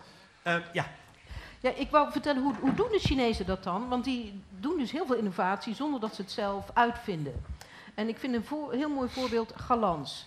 Ik weet even niet wat een microwave is in het... Eh, een, Een eh, microgolf. Hoe noem je dat? Een, Magnetron. een magnetron. Eh, Galans is een groot Ja. eh, magnetronbedrijf. En die heeft voorheen maakte die voor alle grote westerse merken, Europese en Amerikaanse merken, magnetrons. En op een gegeven moment hebben ze gedacht, weet je wat we gaan doen? In plaats van dat wij dat allemaal gaan leveren, gaan we van elk van het de- onderdeeltje van die magnetron, eh, pakken we het stukje van Amerika, van General Electric, pakken we een stukje van Siemens, pakken we een stukje van Philips. En dan maken we de beste magnetron die er is. En dat hebben ze gedaan en dan plakken we ons eh, merkje op. Nou, dat galans, dat groeit enorm. En niet alleen in China, Ook in Afrika, in Europa, in, in Amerika. Gewoon omdat ze zo slim zijn om al die kleine stukjes. Maar van wat al denk je die van de, bedrijven af te wat denk je van de eigen eh, R&D van, van de Chinezen? Want daar eh, pronken ze mee. En ze hebben zelfs een, een innovatieplan, eh, Made in China 2025, eh, waarmee ze eigenlijk tegen 2025 70% van hun eigen producten met eigen technologie willen gaan maken. Denk je dat ze dat kunnen? Ik heb met, met nogal wat experts in China, Chinese experts, eh, gesproken en die zeggen van ja, eh, we zijn er wel volop mee bezig en het is ook partijpolitiek. Ehm, maar onze ingenieurs, onze eh, professoren, onze onderzoekers missen creatieve ingesteldheid, missen kritische ingesteldheid, precies door het hele systeem, het onderwijssysteem, maar vooral het partijsysteem, waardoor we eigenlijk nooit zullen kunnen opboksen tegen de westerse R&D, tegen de westerse innovatie. Ja, de- ik kijk Ja, een dat- beetje. dat- eh, het argument wat er vaak aan toe wordt gevoegd is natuurlijk de brain drain. Hè? Mensen die echt wat willen, die gaan eh, toch er, gaan in San Francisco wonen en niet in Shanghai. Ja. Ja, in- inmiddels wel. eh, want China wil heel graag die mensen hebben. En die zegt gewoon, hier heb jij jouw pot eh, voor research. Dus je ziet inderdaad een brain drain naar, eh, naar China komen. Maar hier zie ik eh, twee kanten. Aan de ene kant weten we gewoon dat de partij, en dan met name vanuit eh, de militaire hoek, enorm veel wetenschappers in dienst hebben. En ehm, die maken allerlei uitvindingen en die liggen daar op de plank. En die komen naar buiten op het moment dat China denkt van nu is het heel handig. Bijvoorbeeld eh, el- elektrische motoren. Wat doen nu alle Duitse autofabrieken? Die hebben allemaal een joint venture in China omdat ze graag mee willen liften om samen de nieuwe elektrische auto eh, te maken. Dus aan de ene kant heb je dat. Aan de andere kant heb je de galansen eh, die gewoon proberen om echt die toepassing eh, te pakken, omdat ze het zelf niet kunnen maken. En de Chinezen hebben één heel groot probleem, wat zij niet kunnen, en dat is ook al een aantal keren mislukt. Als ze een semiconductors willen hebben, want die willen ze natuurlijk heel graag hebben, al die chipsfabrieken. het lukt hun maar niet om een fabriek eigenlijk helemaal uit te pluizen in Amerika of in Europa. En hem dan opnieuw op te bouwen in China. Dat lukt ze niet. Ondanks de spionnen die ze bij ASML neerzetten, Het is dat... ze eh, niet. ja. Hetzelfde geldt voor de vliegtuigen. Ze zijn Ja. al heel lang bezig om een eigen vliegtuigindustrie te bouwen. Hebben ze net een beetje is het gelukt. Maar dat, eh, dat is echt een heel groot probleem Ja. in China. We- gaan even naar de afronding van dit deel. Want ik, ik, wil toch, ik denk dat er wat vragen en opmerkingen misschien ook wel in het publiek zijn. Dus daar kunt u wel vast over nadenken. Eh, want daar ga ik zo naar vragen. Maar eh, het beeld wat ik hier krijg is eigenlijk eh, het beeld van een China wat, wat massaal eigenlijk toch is onderschat misschien wel. En ondanks het feit dat, dat China altijd heel open is geweest in zijn doelen. ehm, eh, dat idee dat het een democratie gaat worden, dat lijkt verder weg dan ooit. Ehm, op, op nationaal niveau. en, en er is nogal wat discussie, dat zagen we ook hier, over de manier om daarmee om te gaan. Om de juiste manier om daar op, op in te spelen. Ehm, dat, dat, bent u dan eigenlijk wel hoopvol als, eh, na zo'n avond als vanavond, dat wij daar in Europa goed mee omgaan? Eh, gaan? ik, ik, word wel hoopvoller, want eh, elk land is bezig om een eh, China-strategie eh, te maken. Dat is natuurlijk eigenlijk heel vreemd dat het nu pas eh, gebeurt, met zo'n enorme eh, macht eh, tegenover je. Dus dat, dat stemt mij wel eh, tot hoop. Hoe je dat nou precies moet doen, eh, dat vind ik heel lastig. Eh, bijvoorbeeld als je kijkt naar Huawei en de 5G. Ja. hè, dan zeggen mensen, nou, dat moeten we maar niet doen, want eh, Huawei heeft vast een achterdeurtje en dan ligt alles op straat bij China. En dan denk ik, ja, volgens mij maakt het helemaal niet uit. Als je daar nou Ericsson-technologie neerzet of Nokia, ja, dan kan China, China nog steeds hacken als ze dat willen. Als wij al die SAP of S- Cisco-systemen hebben, kan China ook hacken. Dus volgens mij maakt dat niet uit. Ik vind het een schijnzekerheid die wij dan denken, als we Huawei niet doen, dan, ehm, ja, dan zijn we helemaal zeker. Daar geloof ik helemaal niks van. Nou, het verschil zou wel kunnen zijn dat je eh, met Huawei st- stimuleert, geef je natuurlijk geld aan een bedrijf wat in eigen land eh, daar weer een politiek systeem sterker van maakt waar je eigenlijk niet mee eens bent. Nee, maar het gaat erom of wij Ja. sterker ervan worden. En Ja. als wij Ericsson of Nokia eh, nemen, en dat geldt eigenlijk voor heel veel eh, Europese landen. We hebben nu al een hele Huawei-infrastructuur liggen. Die moet je eruit halen. Dat kost ongelooflijk veel geld. Dan gaan we drie tot vijf jaar achterlopen op allerlei ontwikkelingen. Nou, dan haalt Duitsland zijn 2030-plan natuurlijk helemaal niet. Dus in mijn ogen moet je niet naïef zijn, maar het maakt volgens mij niet uit. Als de Chinezen die data willen hebben, dan pakken ze het toch wel. En dan kan je maar beter de beste technologie pakken en daarop voortbouwen. dan zeggen van nou nee, ik, ik voel me niet, uh, niet veilig. Dat wil niet zeggen dat je dat in de politie en defensie moet doen, maar gewoon de bedrijven, ik denk dat het niet veel uitmaakt. Ja. Maar we hadden het dus over democratisering en op dat vlak ben ik helemaal niet hoopvol gestemd. Nee, dat, dat uh, bleek al meteen in het begin hier, toch? Ja. De, de, tekenen zijn uh, helemaal niet, uh, niet hoopgevend. Uh, de, de, communistische partij wil alleen zijn macht bestendigen. Ik bedoel, dat ja. is eigenlijk de basis van het hele beleid van de Chinese communistische partij en van Xi Jinping. En alles is daaraan ondergeschikt. Zij hebben de geschiedenis van de afgelopen 30 jaar zeer, zeer goed bestudeerd. Ja. Zij weten perfect wat er is gebeurd in de Sovjet-Unie. Zij weten perfect wat er is gebeurd in het Midden-Oosten. In, uh, in, de, Japan? In, in Japan.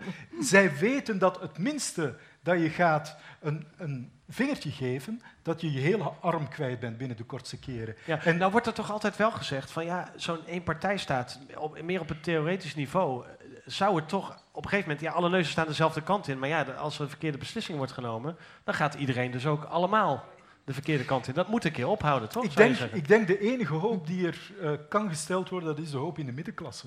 Een middenklasse die al enorm groot is in China. Een kwart van de bevolking tot 30 procent van de bevolking behoort al tot een middenklasse. En als je kijkt naar de geschiedenis van, van de middenklasse, dan zie je hoe sterker een middenklasse wordt, hoe meer die ook inspraak gaat vragen en hoe meer die uh, ja, transparantie gaat vragen. dus u ziet wel wat in die vergelijking die Jonathan Holslag trok met dat 19e-eeuwse Amerika eigenlijk wel, bijvoorbeeld. Eigenlijk ja. wel, ja. En, maar hopen en, wij dan dat zij dezelfde democratie krijgen dan wij? Ik hoop dat alvast niet. Uh, ik denk dat oh. geen enkel uh, systeemmodel kan worden gekopieerd, ja, getransplanteerd naar een ander land. Dus elke, maar dat is binnen Europa toch ook zo. Ja. Het Nederlandse systeem nee, is anders. Dan, dan zijn we allebei allebei zijn we democratieën. Kijk naar Italië. Ik bedoel, heeft niks te maken met het Belgische systeem. Maar een democratisering waarbij de mensen iets te zeggen krijgen, want nu hebben zij niks te zeggen, absoluut niks te zeggen. Uh, dat is iets waar we op mogen hopen, dat dat op termijn toch... Ik, ik denk dat dat niet gaat en dan, dan hou ik maar even weer ja. die theorie uh, voor, dat je moet kiezen uit of je gaat globaliseren, of je gaat voor je eigen land, of je gaat voor democratie. En wij zijn echt voor globalisatie ja. en democratie gegaan. En China is voor globalisatie en soevereiniteit gegaan. Ja. Het enige wat China zou kunnen doen om binnen dat framework dat allemaal te laten slagen, is op lager niveau wat meer democratie. En dat proberen ze ook wel. He, als je een, een wetsvoorstel... ja. Nou nee, als je een wetsvoorstel uh, hebt in China, dan kan iedereen, zelfs wij buitenlanders, uh, kan zeggen wat we daarvan vinden. Nou, dat is bij ons niet. Als je het aantal peilingen ziet. Als het je is het aantal, een consultatief uh, systeem. Ja. Dus de partij en, en ook alleen heeft op, zijn voelsprieten ja. over de hele samenleving. Absoluut. Onder meer door de controle van het internet. Maar ook uh, doordat ze overal zitten. En zij uh, hebben heel dat systeem gebaseerd op die ja, consultatie. En ze hebben ja. zelfs een, een, instelling daarvoor die ook elk jaar samenkomt, de consultatieve uh, uh, CPPCC of zo, dat elk jaar samenkomt, waarin vertegenwoordigers van de hele samenleving zitten, ja. zelfs mensen uit, de, uit de, de, cultuursector. Ik bedoel, ja, maar op nationaal niveau stelt dat helemaal niks voor. Als ik nog enige hoop heb op democratie, dan denk ik dat het alleen maar op lokaal niveau kan. En gewoon omdat die theorie van die driehoek er is. Dat je eigenlijk maar twee dingen kan ja. kiezen. Maar u zegt tegelijkertijd misschien dat we in Europa juist wel die, die globalisering dus nu aan het... Uh, nou ja, daar wat muurtjes naar, omheen kijk aan naar het de brexit. Ja. Wat gebeurt daar? Uh, Engeland zegt, ik wil mijn soevereiniteit mm. terug. Ja, dat gaat... Uh, je, je, je, kan niet allebei. Oké, okay. dank voor nu. Ik kijk even de zaal in. er zijn vast opmerkingen, u heeft allemaal mee kunnen luisteren. Er zijn vast opmerkingen, vragen die ik niet heb gesteld en wel had moeten stellen. Uh, dus steek uw hand op en dan komt er iemand naar u toe met een uh, microfoon. Ja, kijk, hier vooraan is een uh, vraag. Ja. Hallo, goedenavond. Dank u wel voor de, de mooie voorstelling. Um, ik wou eventjes terugkomen op die, die drie kaarten, die, alle die twee kaarten uit de drie mogelijkheden die mm -hmm. je moet trekken. Um, u zegt China die, die trekt de kaart voor soevereiniteit en globaliteit. Uh, maar is het niet bij ons de, de soevereiniteit die wij nog altijd hebben op nationaal niveau? Dus wat die, die heel die boel tegenhoudt. Nee, dus, dus wij, wij, wij trekken op nationaal niveau trekken wij nog altijd die kaart van soevereiniteit. En nee, dat, dat doen we niet. Uh, we die, die, dat, houdt toch, dat, houdt toch, dat, dat houdt toch het, allee, het een, moet ik zeggen, dat houdt een, een, een soort van republiek van Europa toch, toch tegen. Oké, goed. Ja. Die, die, ja, die, ja, de- Ja. eh, heldere vraag. Ja, eh, dat is een heel heldere vraag. willen we niet juist allemaal in ja, Europa... Wat, wat zeggen deze Harvard-professoren die dat even bedacht? Die hebben dus globalisatie, soevereiniteit en democratie. En je moet er twee kiezen. Als je er een beetje tussen gaat hangen, heb je een probleem. Dat is ook het probleem van Europa. We hebben geen echt Europees parlement. We hebben ook niet echt soevereiniteit.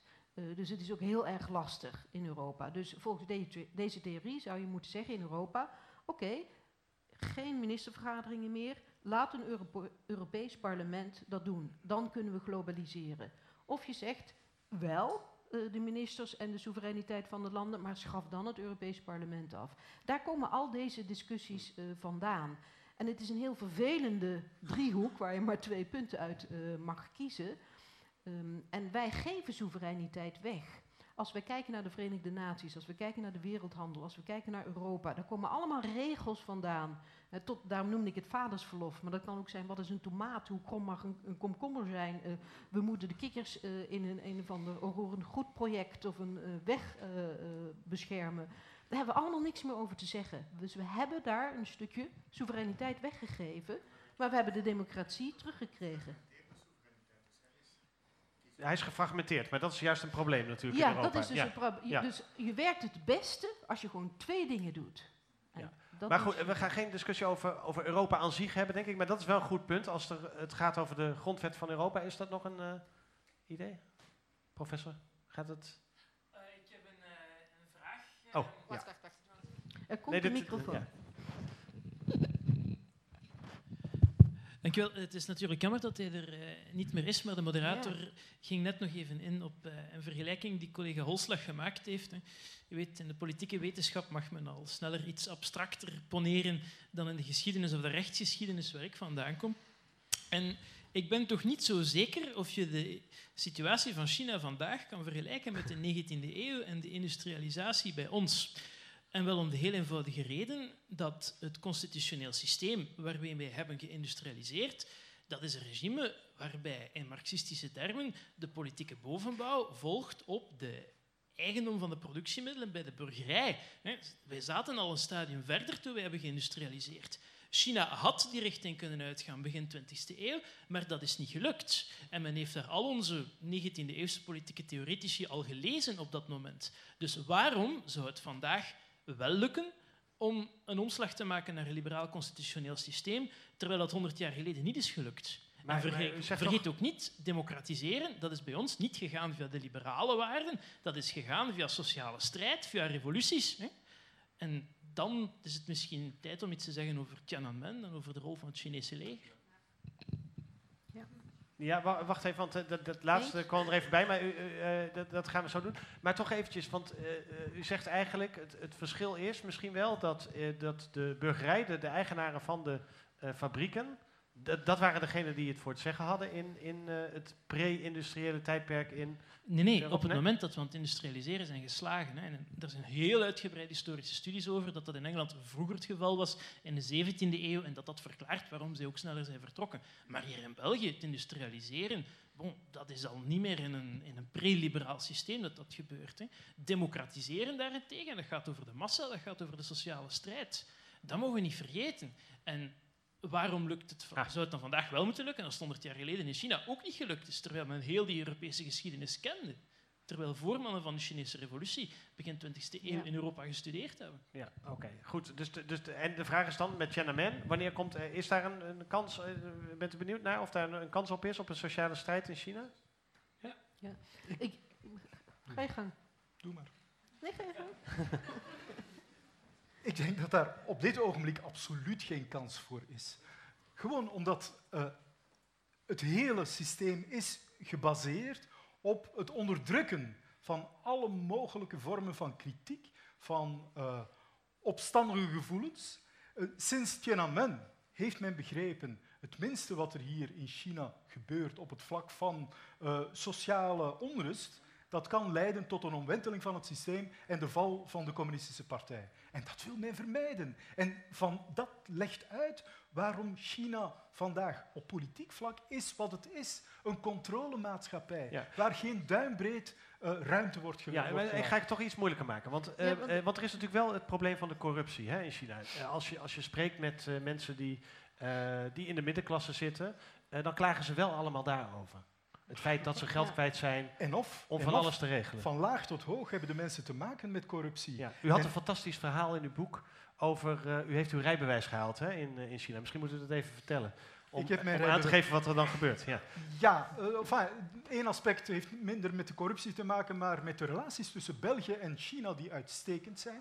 Eh, namelijk, sinds de jaren 90 hebben expats uit België die in China wonen, als enigen ter wereld het recht om een rijbewijs, gewoon een Belgisch rijbewijs, in te ruilen tegen een Chinees rijbewijs. ja, behalve dat u dan een, Dat is een, administratieve zaak. Ja. Maar U moet wel naar de dokter gaan en je moet een ogentest doen. Nu, eh, ik dacht dat mijn ogen goed waren. Bleek niet te zijn tijdens die test. Ik moest dus een brilletje gaan halen. En eh, dat brilletje kon ik, Heel toevallig, krijgen. toch? Heel toevallig in de buurt heel kopen. toevallig Ja. in de bloemenwinkel achter het hoekje van het ziekenhuis krijgen.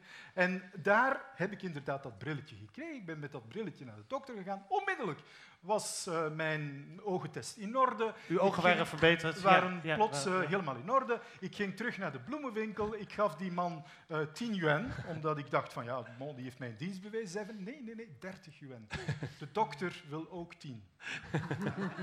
Ja, Dat maar één goed. voorbeeld. Maar dit soort dus dingen, en, en, en eh, eh, Chinezen hebben hier eh, dagelijks mee te maken, hebben wekelijks dagelijks mee te maken. op heel laag niveau. Eh, politie betaal je als je geen boete wil betalen. Eh, mensen in het onderwijs, eh, ouders, Ja. betalen bij het begin van het jaar eh, in een enveloppe wat geld aan de, aan de leerkracht, omdat die ervoor zou zorgen dat eh, de kinderen of de, dat, dat het kind eh, het jaar goed zou doormaken. Nou, iets anders ga ik nog noemen, want een van de andere dingen is het recht op eigendom bestaat niet, dus, of tenminste niet echt, wordt niet echt gerespecteerd. Mensen hun huizen worden wel eens gesloopt en dan ontstaan er toch behoorlijke protesten in China. Dat is al, al heel lang aan de gang, Ja. eh, twintig jaar. Dat, eh, Ja. Want dat heeft dan ook weer te maken met de hele economische ontwikkelingen. Eh, plattelandsgebieden hebben geld nodig.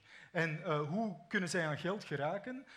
Het enige wat zij hebben, dat is grond.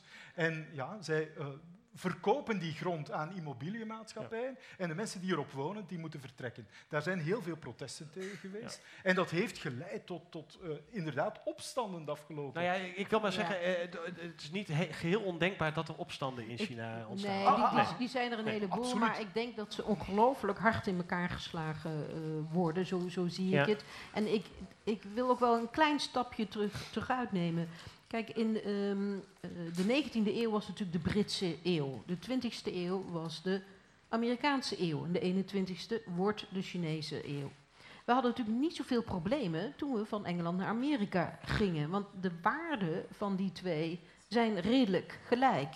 Maar onze waarden met die van China zijn totaal niet te vergelijken. En daarom vinden we het allemaal zo lastig. En daarom vinden we het ook moeilijk. Wij willen graag dat die mensen net zo vrij zijn als wij.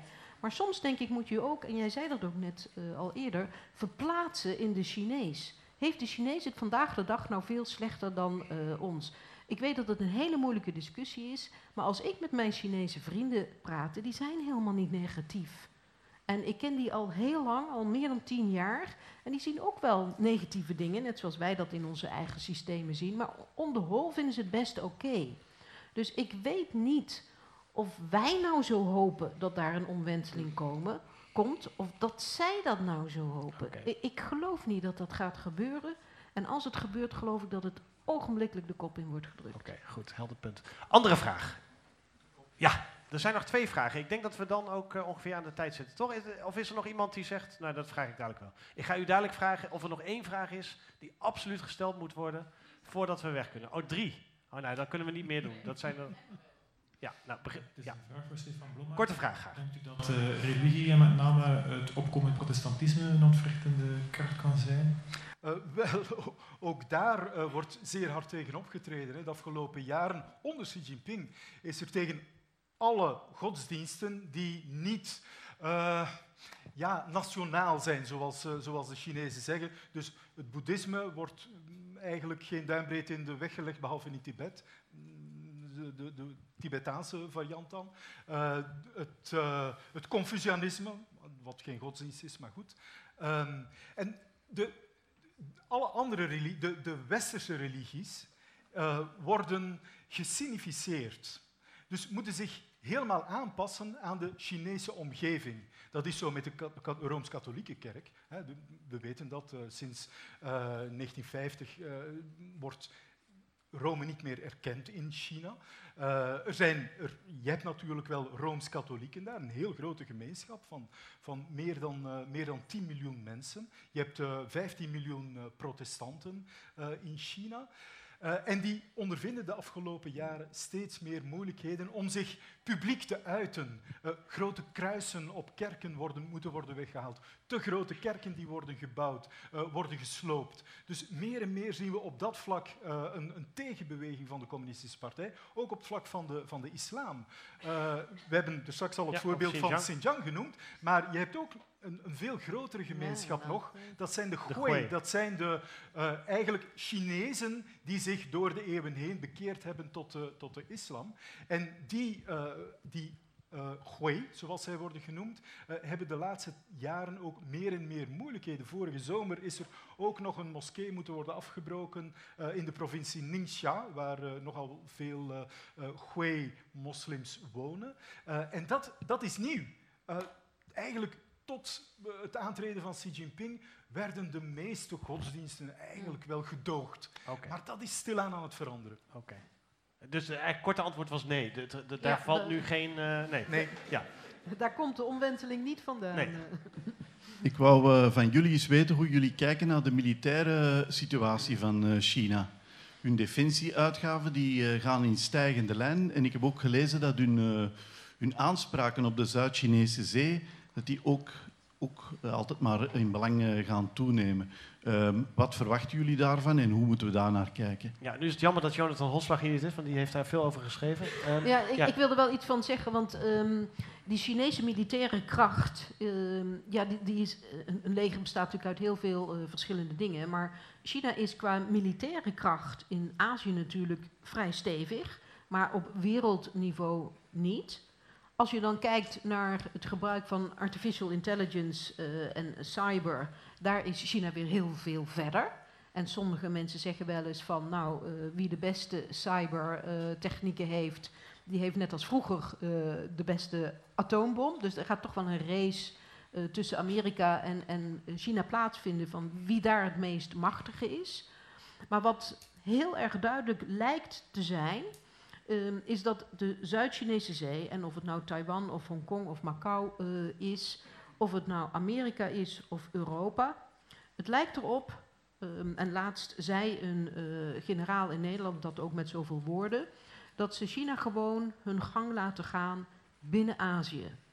Dus al die schermutselingen over de Zuid-Chinese zee is niet voldoende voor Amerika of voor Europa, zoals men er nu op dit moment eh, over denkt, om daar iets aan te doen. En men vergelijkt het een beetje met Rusland en de Krim. Zou het ook voor voor Taiwan gelden in dit geval? Dat geldt ook voor Taiwan. Ze hebben zelfs uitgerekend, een Amerikaans eh, eh, onderzoeksbureau RAND heeft allerlei eh, simulaties gedaan van wie zou een oorlog winnen eh, over Taiwan. En, en men is het er nu eigenlijk over eens dat China zoveel intelligente eh duikboottechnologieën heeft eh, met aanvalsmechanismen, dat de Amerikanen waarschijnlijk zo'n oorlog niet eens meer gaan winnen. Nee, en dan gaan ze Dus- hem ook niet beginnen. Dus Nee. Azië lijkt toch een beetje vergeven te worden aan eh, China. Maar dat is natuurlijk niet eh, zo voor de rest van de En wereld. Taiwan is een veel eh, gevoeliger conflict dan, dan de Zuid-Chinese Zee. Ja. Of, eh, of het, het, het conflict met Japan over het Diaoyu-eiland of het Senkaku-eiland. Ja. Wat, wat ook nog zo een, een kwestie is die af en toe weer, weer eens opborrelt.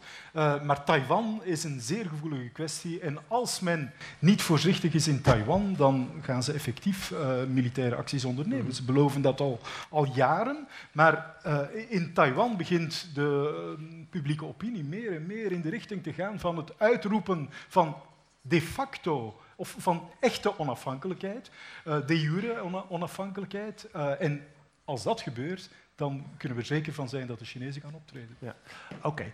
Ehm, ik kijk nog even, want dit is een belangrijk moment. We hebben nog één minuut. Dus er is nog ruimte voor, voor één vraag. En uh, als er iemand, ja, u heeft al een vraag gesteld, maar misschien dat er nog iemand anders is die zegt. Ik, ja, je kijkt, daar zit, uh, zit iemand en die vindt. Er is absoluut nog één vraag die gesteld moet worden voordat we kunnen borrelen. Hier.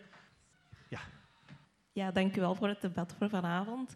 Um, ja, ik had een uh, vraagje over uh, de, het autoritair systeem van China. Uh, dat doet mij heel hard denken aan het autoritair systeem van Noord-Korea eigenlijk. En um, ja, misschien is dat een gebrek van kennis um, naar mijn kant toe. Maar um, ja, ik vind het eigenlijk fascinerend hoe dat China eigenlijk economisch zo'n grootmacht is geworden. En ja, Noord-Korea eigenlijk totaal niet. Ja. Ondanks dat ze eigenlijk heel hard op elkaar lijken qua um, ja, politiek beleid. Dus dat vind ik wel uh, ja. iets om over na te denken. Ja, ik denk dat vooral in het laatste deel van uw vraag een, een, een, misschien iets zit wat, wat toegelicht moet worden. Want ik kan me voorstellen als je zo vanavond luistert, hè, en, en vooral Stefan Blommaert, uh, hoe u vertelt uh, hoe ver die Chinese controle gaat. Uh, dat mensen het idee kunnen krijgen van ja, als ik daarheen ga, kom ik in een soort Noord-Korea terecht. Maar dat is echt een volslagen andere werkelijkheid, toch? Ook, ook ja. in, in, dictaturen zijn er gradaties natuurlijk. Hè. En ik, ik, zal het met een uh, beeldspraak uh, duidelijk maken. Toen ik, ik ben twee jaar geleden naar Noord-Korea geweest, heb daar een week rondgelopen. En toen ik landde op de luchthaven van Peking, want je moet vanuit Pyongyang altijd via Peking gaan, voelde ik een uh, opluchting. Ongelooflijk, ik ben, eigenlijk, ik ben eindelijk weer vrij. Ja. Vanuit Pyongyang. Dus de twee systemen zijn eigenlijk op politiek vlak en op economisch vlak al helemaal ja. Maar op politiek vlak niet te vergelijken. Nee, maar misschien toch even, want, uh, want dat is misschien wat het verkeerde beeld heeft geschetst. Uh, dat hele verhaal over die, over die Big Brother-achtige situatie. Maar um, als je daar gewoon leeft en, en gewoon, ja misschien wel als buitenlander ook zelfs leeft, uh, dan heb je natuurlijk eigenlijk bijna nergens iets mee te maken, tenzij je journalist uh, tenzij bent. als journalist, ja. Ik, ik denk He, dat daar heb je constant mee te maken ja. natuurlijk. Ja. Maar in het dagelijks leven uh, nee, ik denk legt niemand je een haarbreed in de weg. journalisten hebben er echt iets mee te maken. Maar als je gewoon je normale ding doet, net zoals je hier een normale ding doet, heb je niks met de politie te maken. En heb je in dan, China dan merk je ook hoogstens dat je niet op uh, Facebook kan uh, ah, ja, bepaalde je, kijk, kranten niet kan lezen, je toch? Je kan ja. natuurlijk wel op het televisiescherm zien dat als je het zebrapad oversteekt terwijl het niet mag, dan kun je daar uh, je foto zien. Maar goed, als ik in Amsterdam rijd met de verkeerde auto, dan wordt ook mijn uh, autonummer wordt ja. uh, getoond langs de weg en dan zeg ik, oeps, uh, dat ben ik. Ja, ja. Um, nee, dus ik het is geen totalitaire staat zoals in, zoals nee. in Noord-Korea. Je kan nog een normaal gewoon leven leiden in China. Oké, okay, ik hoop dat dat uw vraag uh, beantwoordt. Zijn we aan het einde gekomen? Mag ik jullie hartelijk danken. Annette Nijs, Stefan Blomhaert. En Jonathan. En ik begrijp um, dat u vooral nog even moet blijven hangen, want uh, de derde zit, de nazit is net zo belangrijk minimaal als het programma. Dan kunt u ook nog even, hoop ik, met de sprekers praten, hè, misschien een kwartiertje, twintig minuten. Um, dus daar nodig ik u toe, toe uit. En ik wens u nog een prettige avond. Je luisterde naar een podcast van De Buren, het Vlaams-Nederlands Huis voor Cultuur en Debat. Benieuwd naar ons literaire aanbod? Luister dan ook naar radioboeken, citybooks en andere audioverhalen. Ontdek ons podiumprogramma en al onze digitale producties op www.deburen.eu.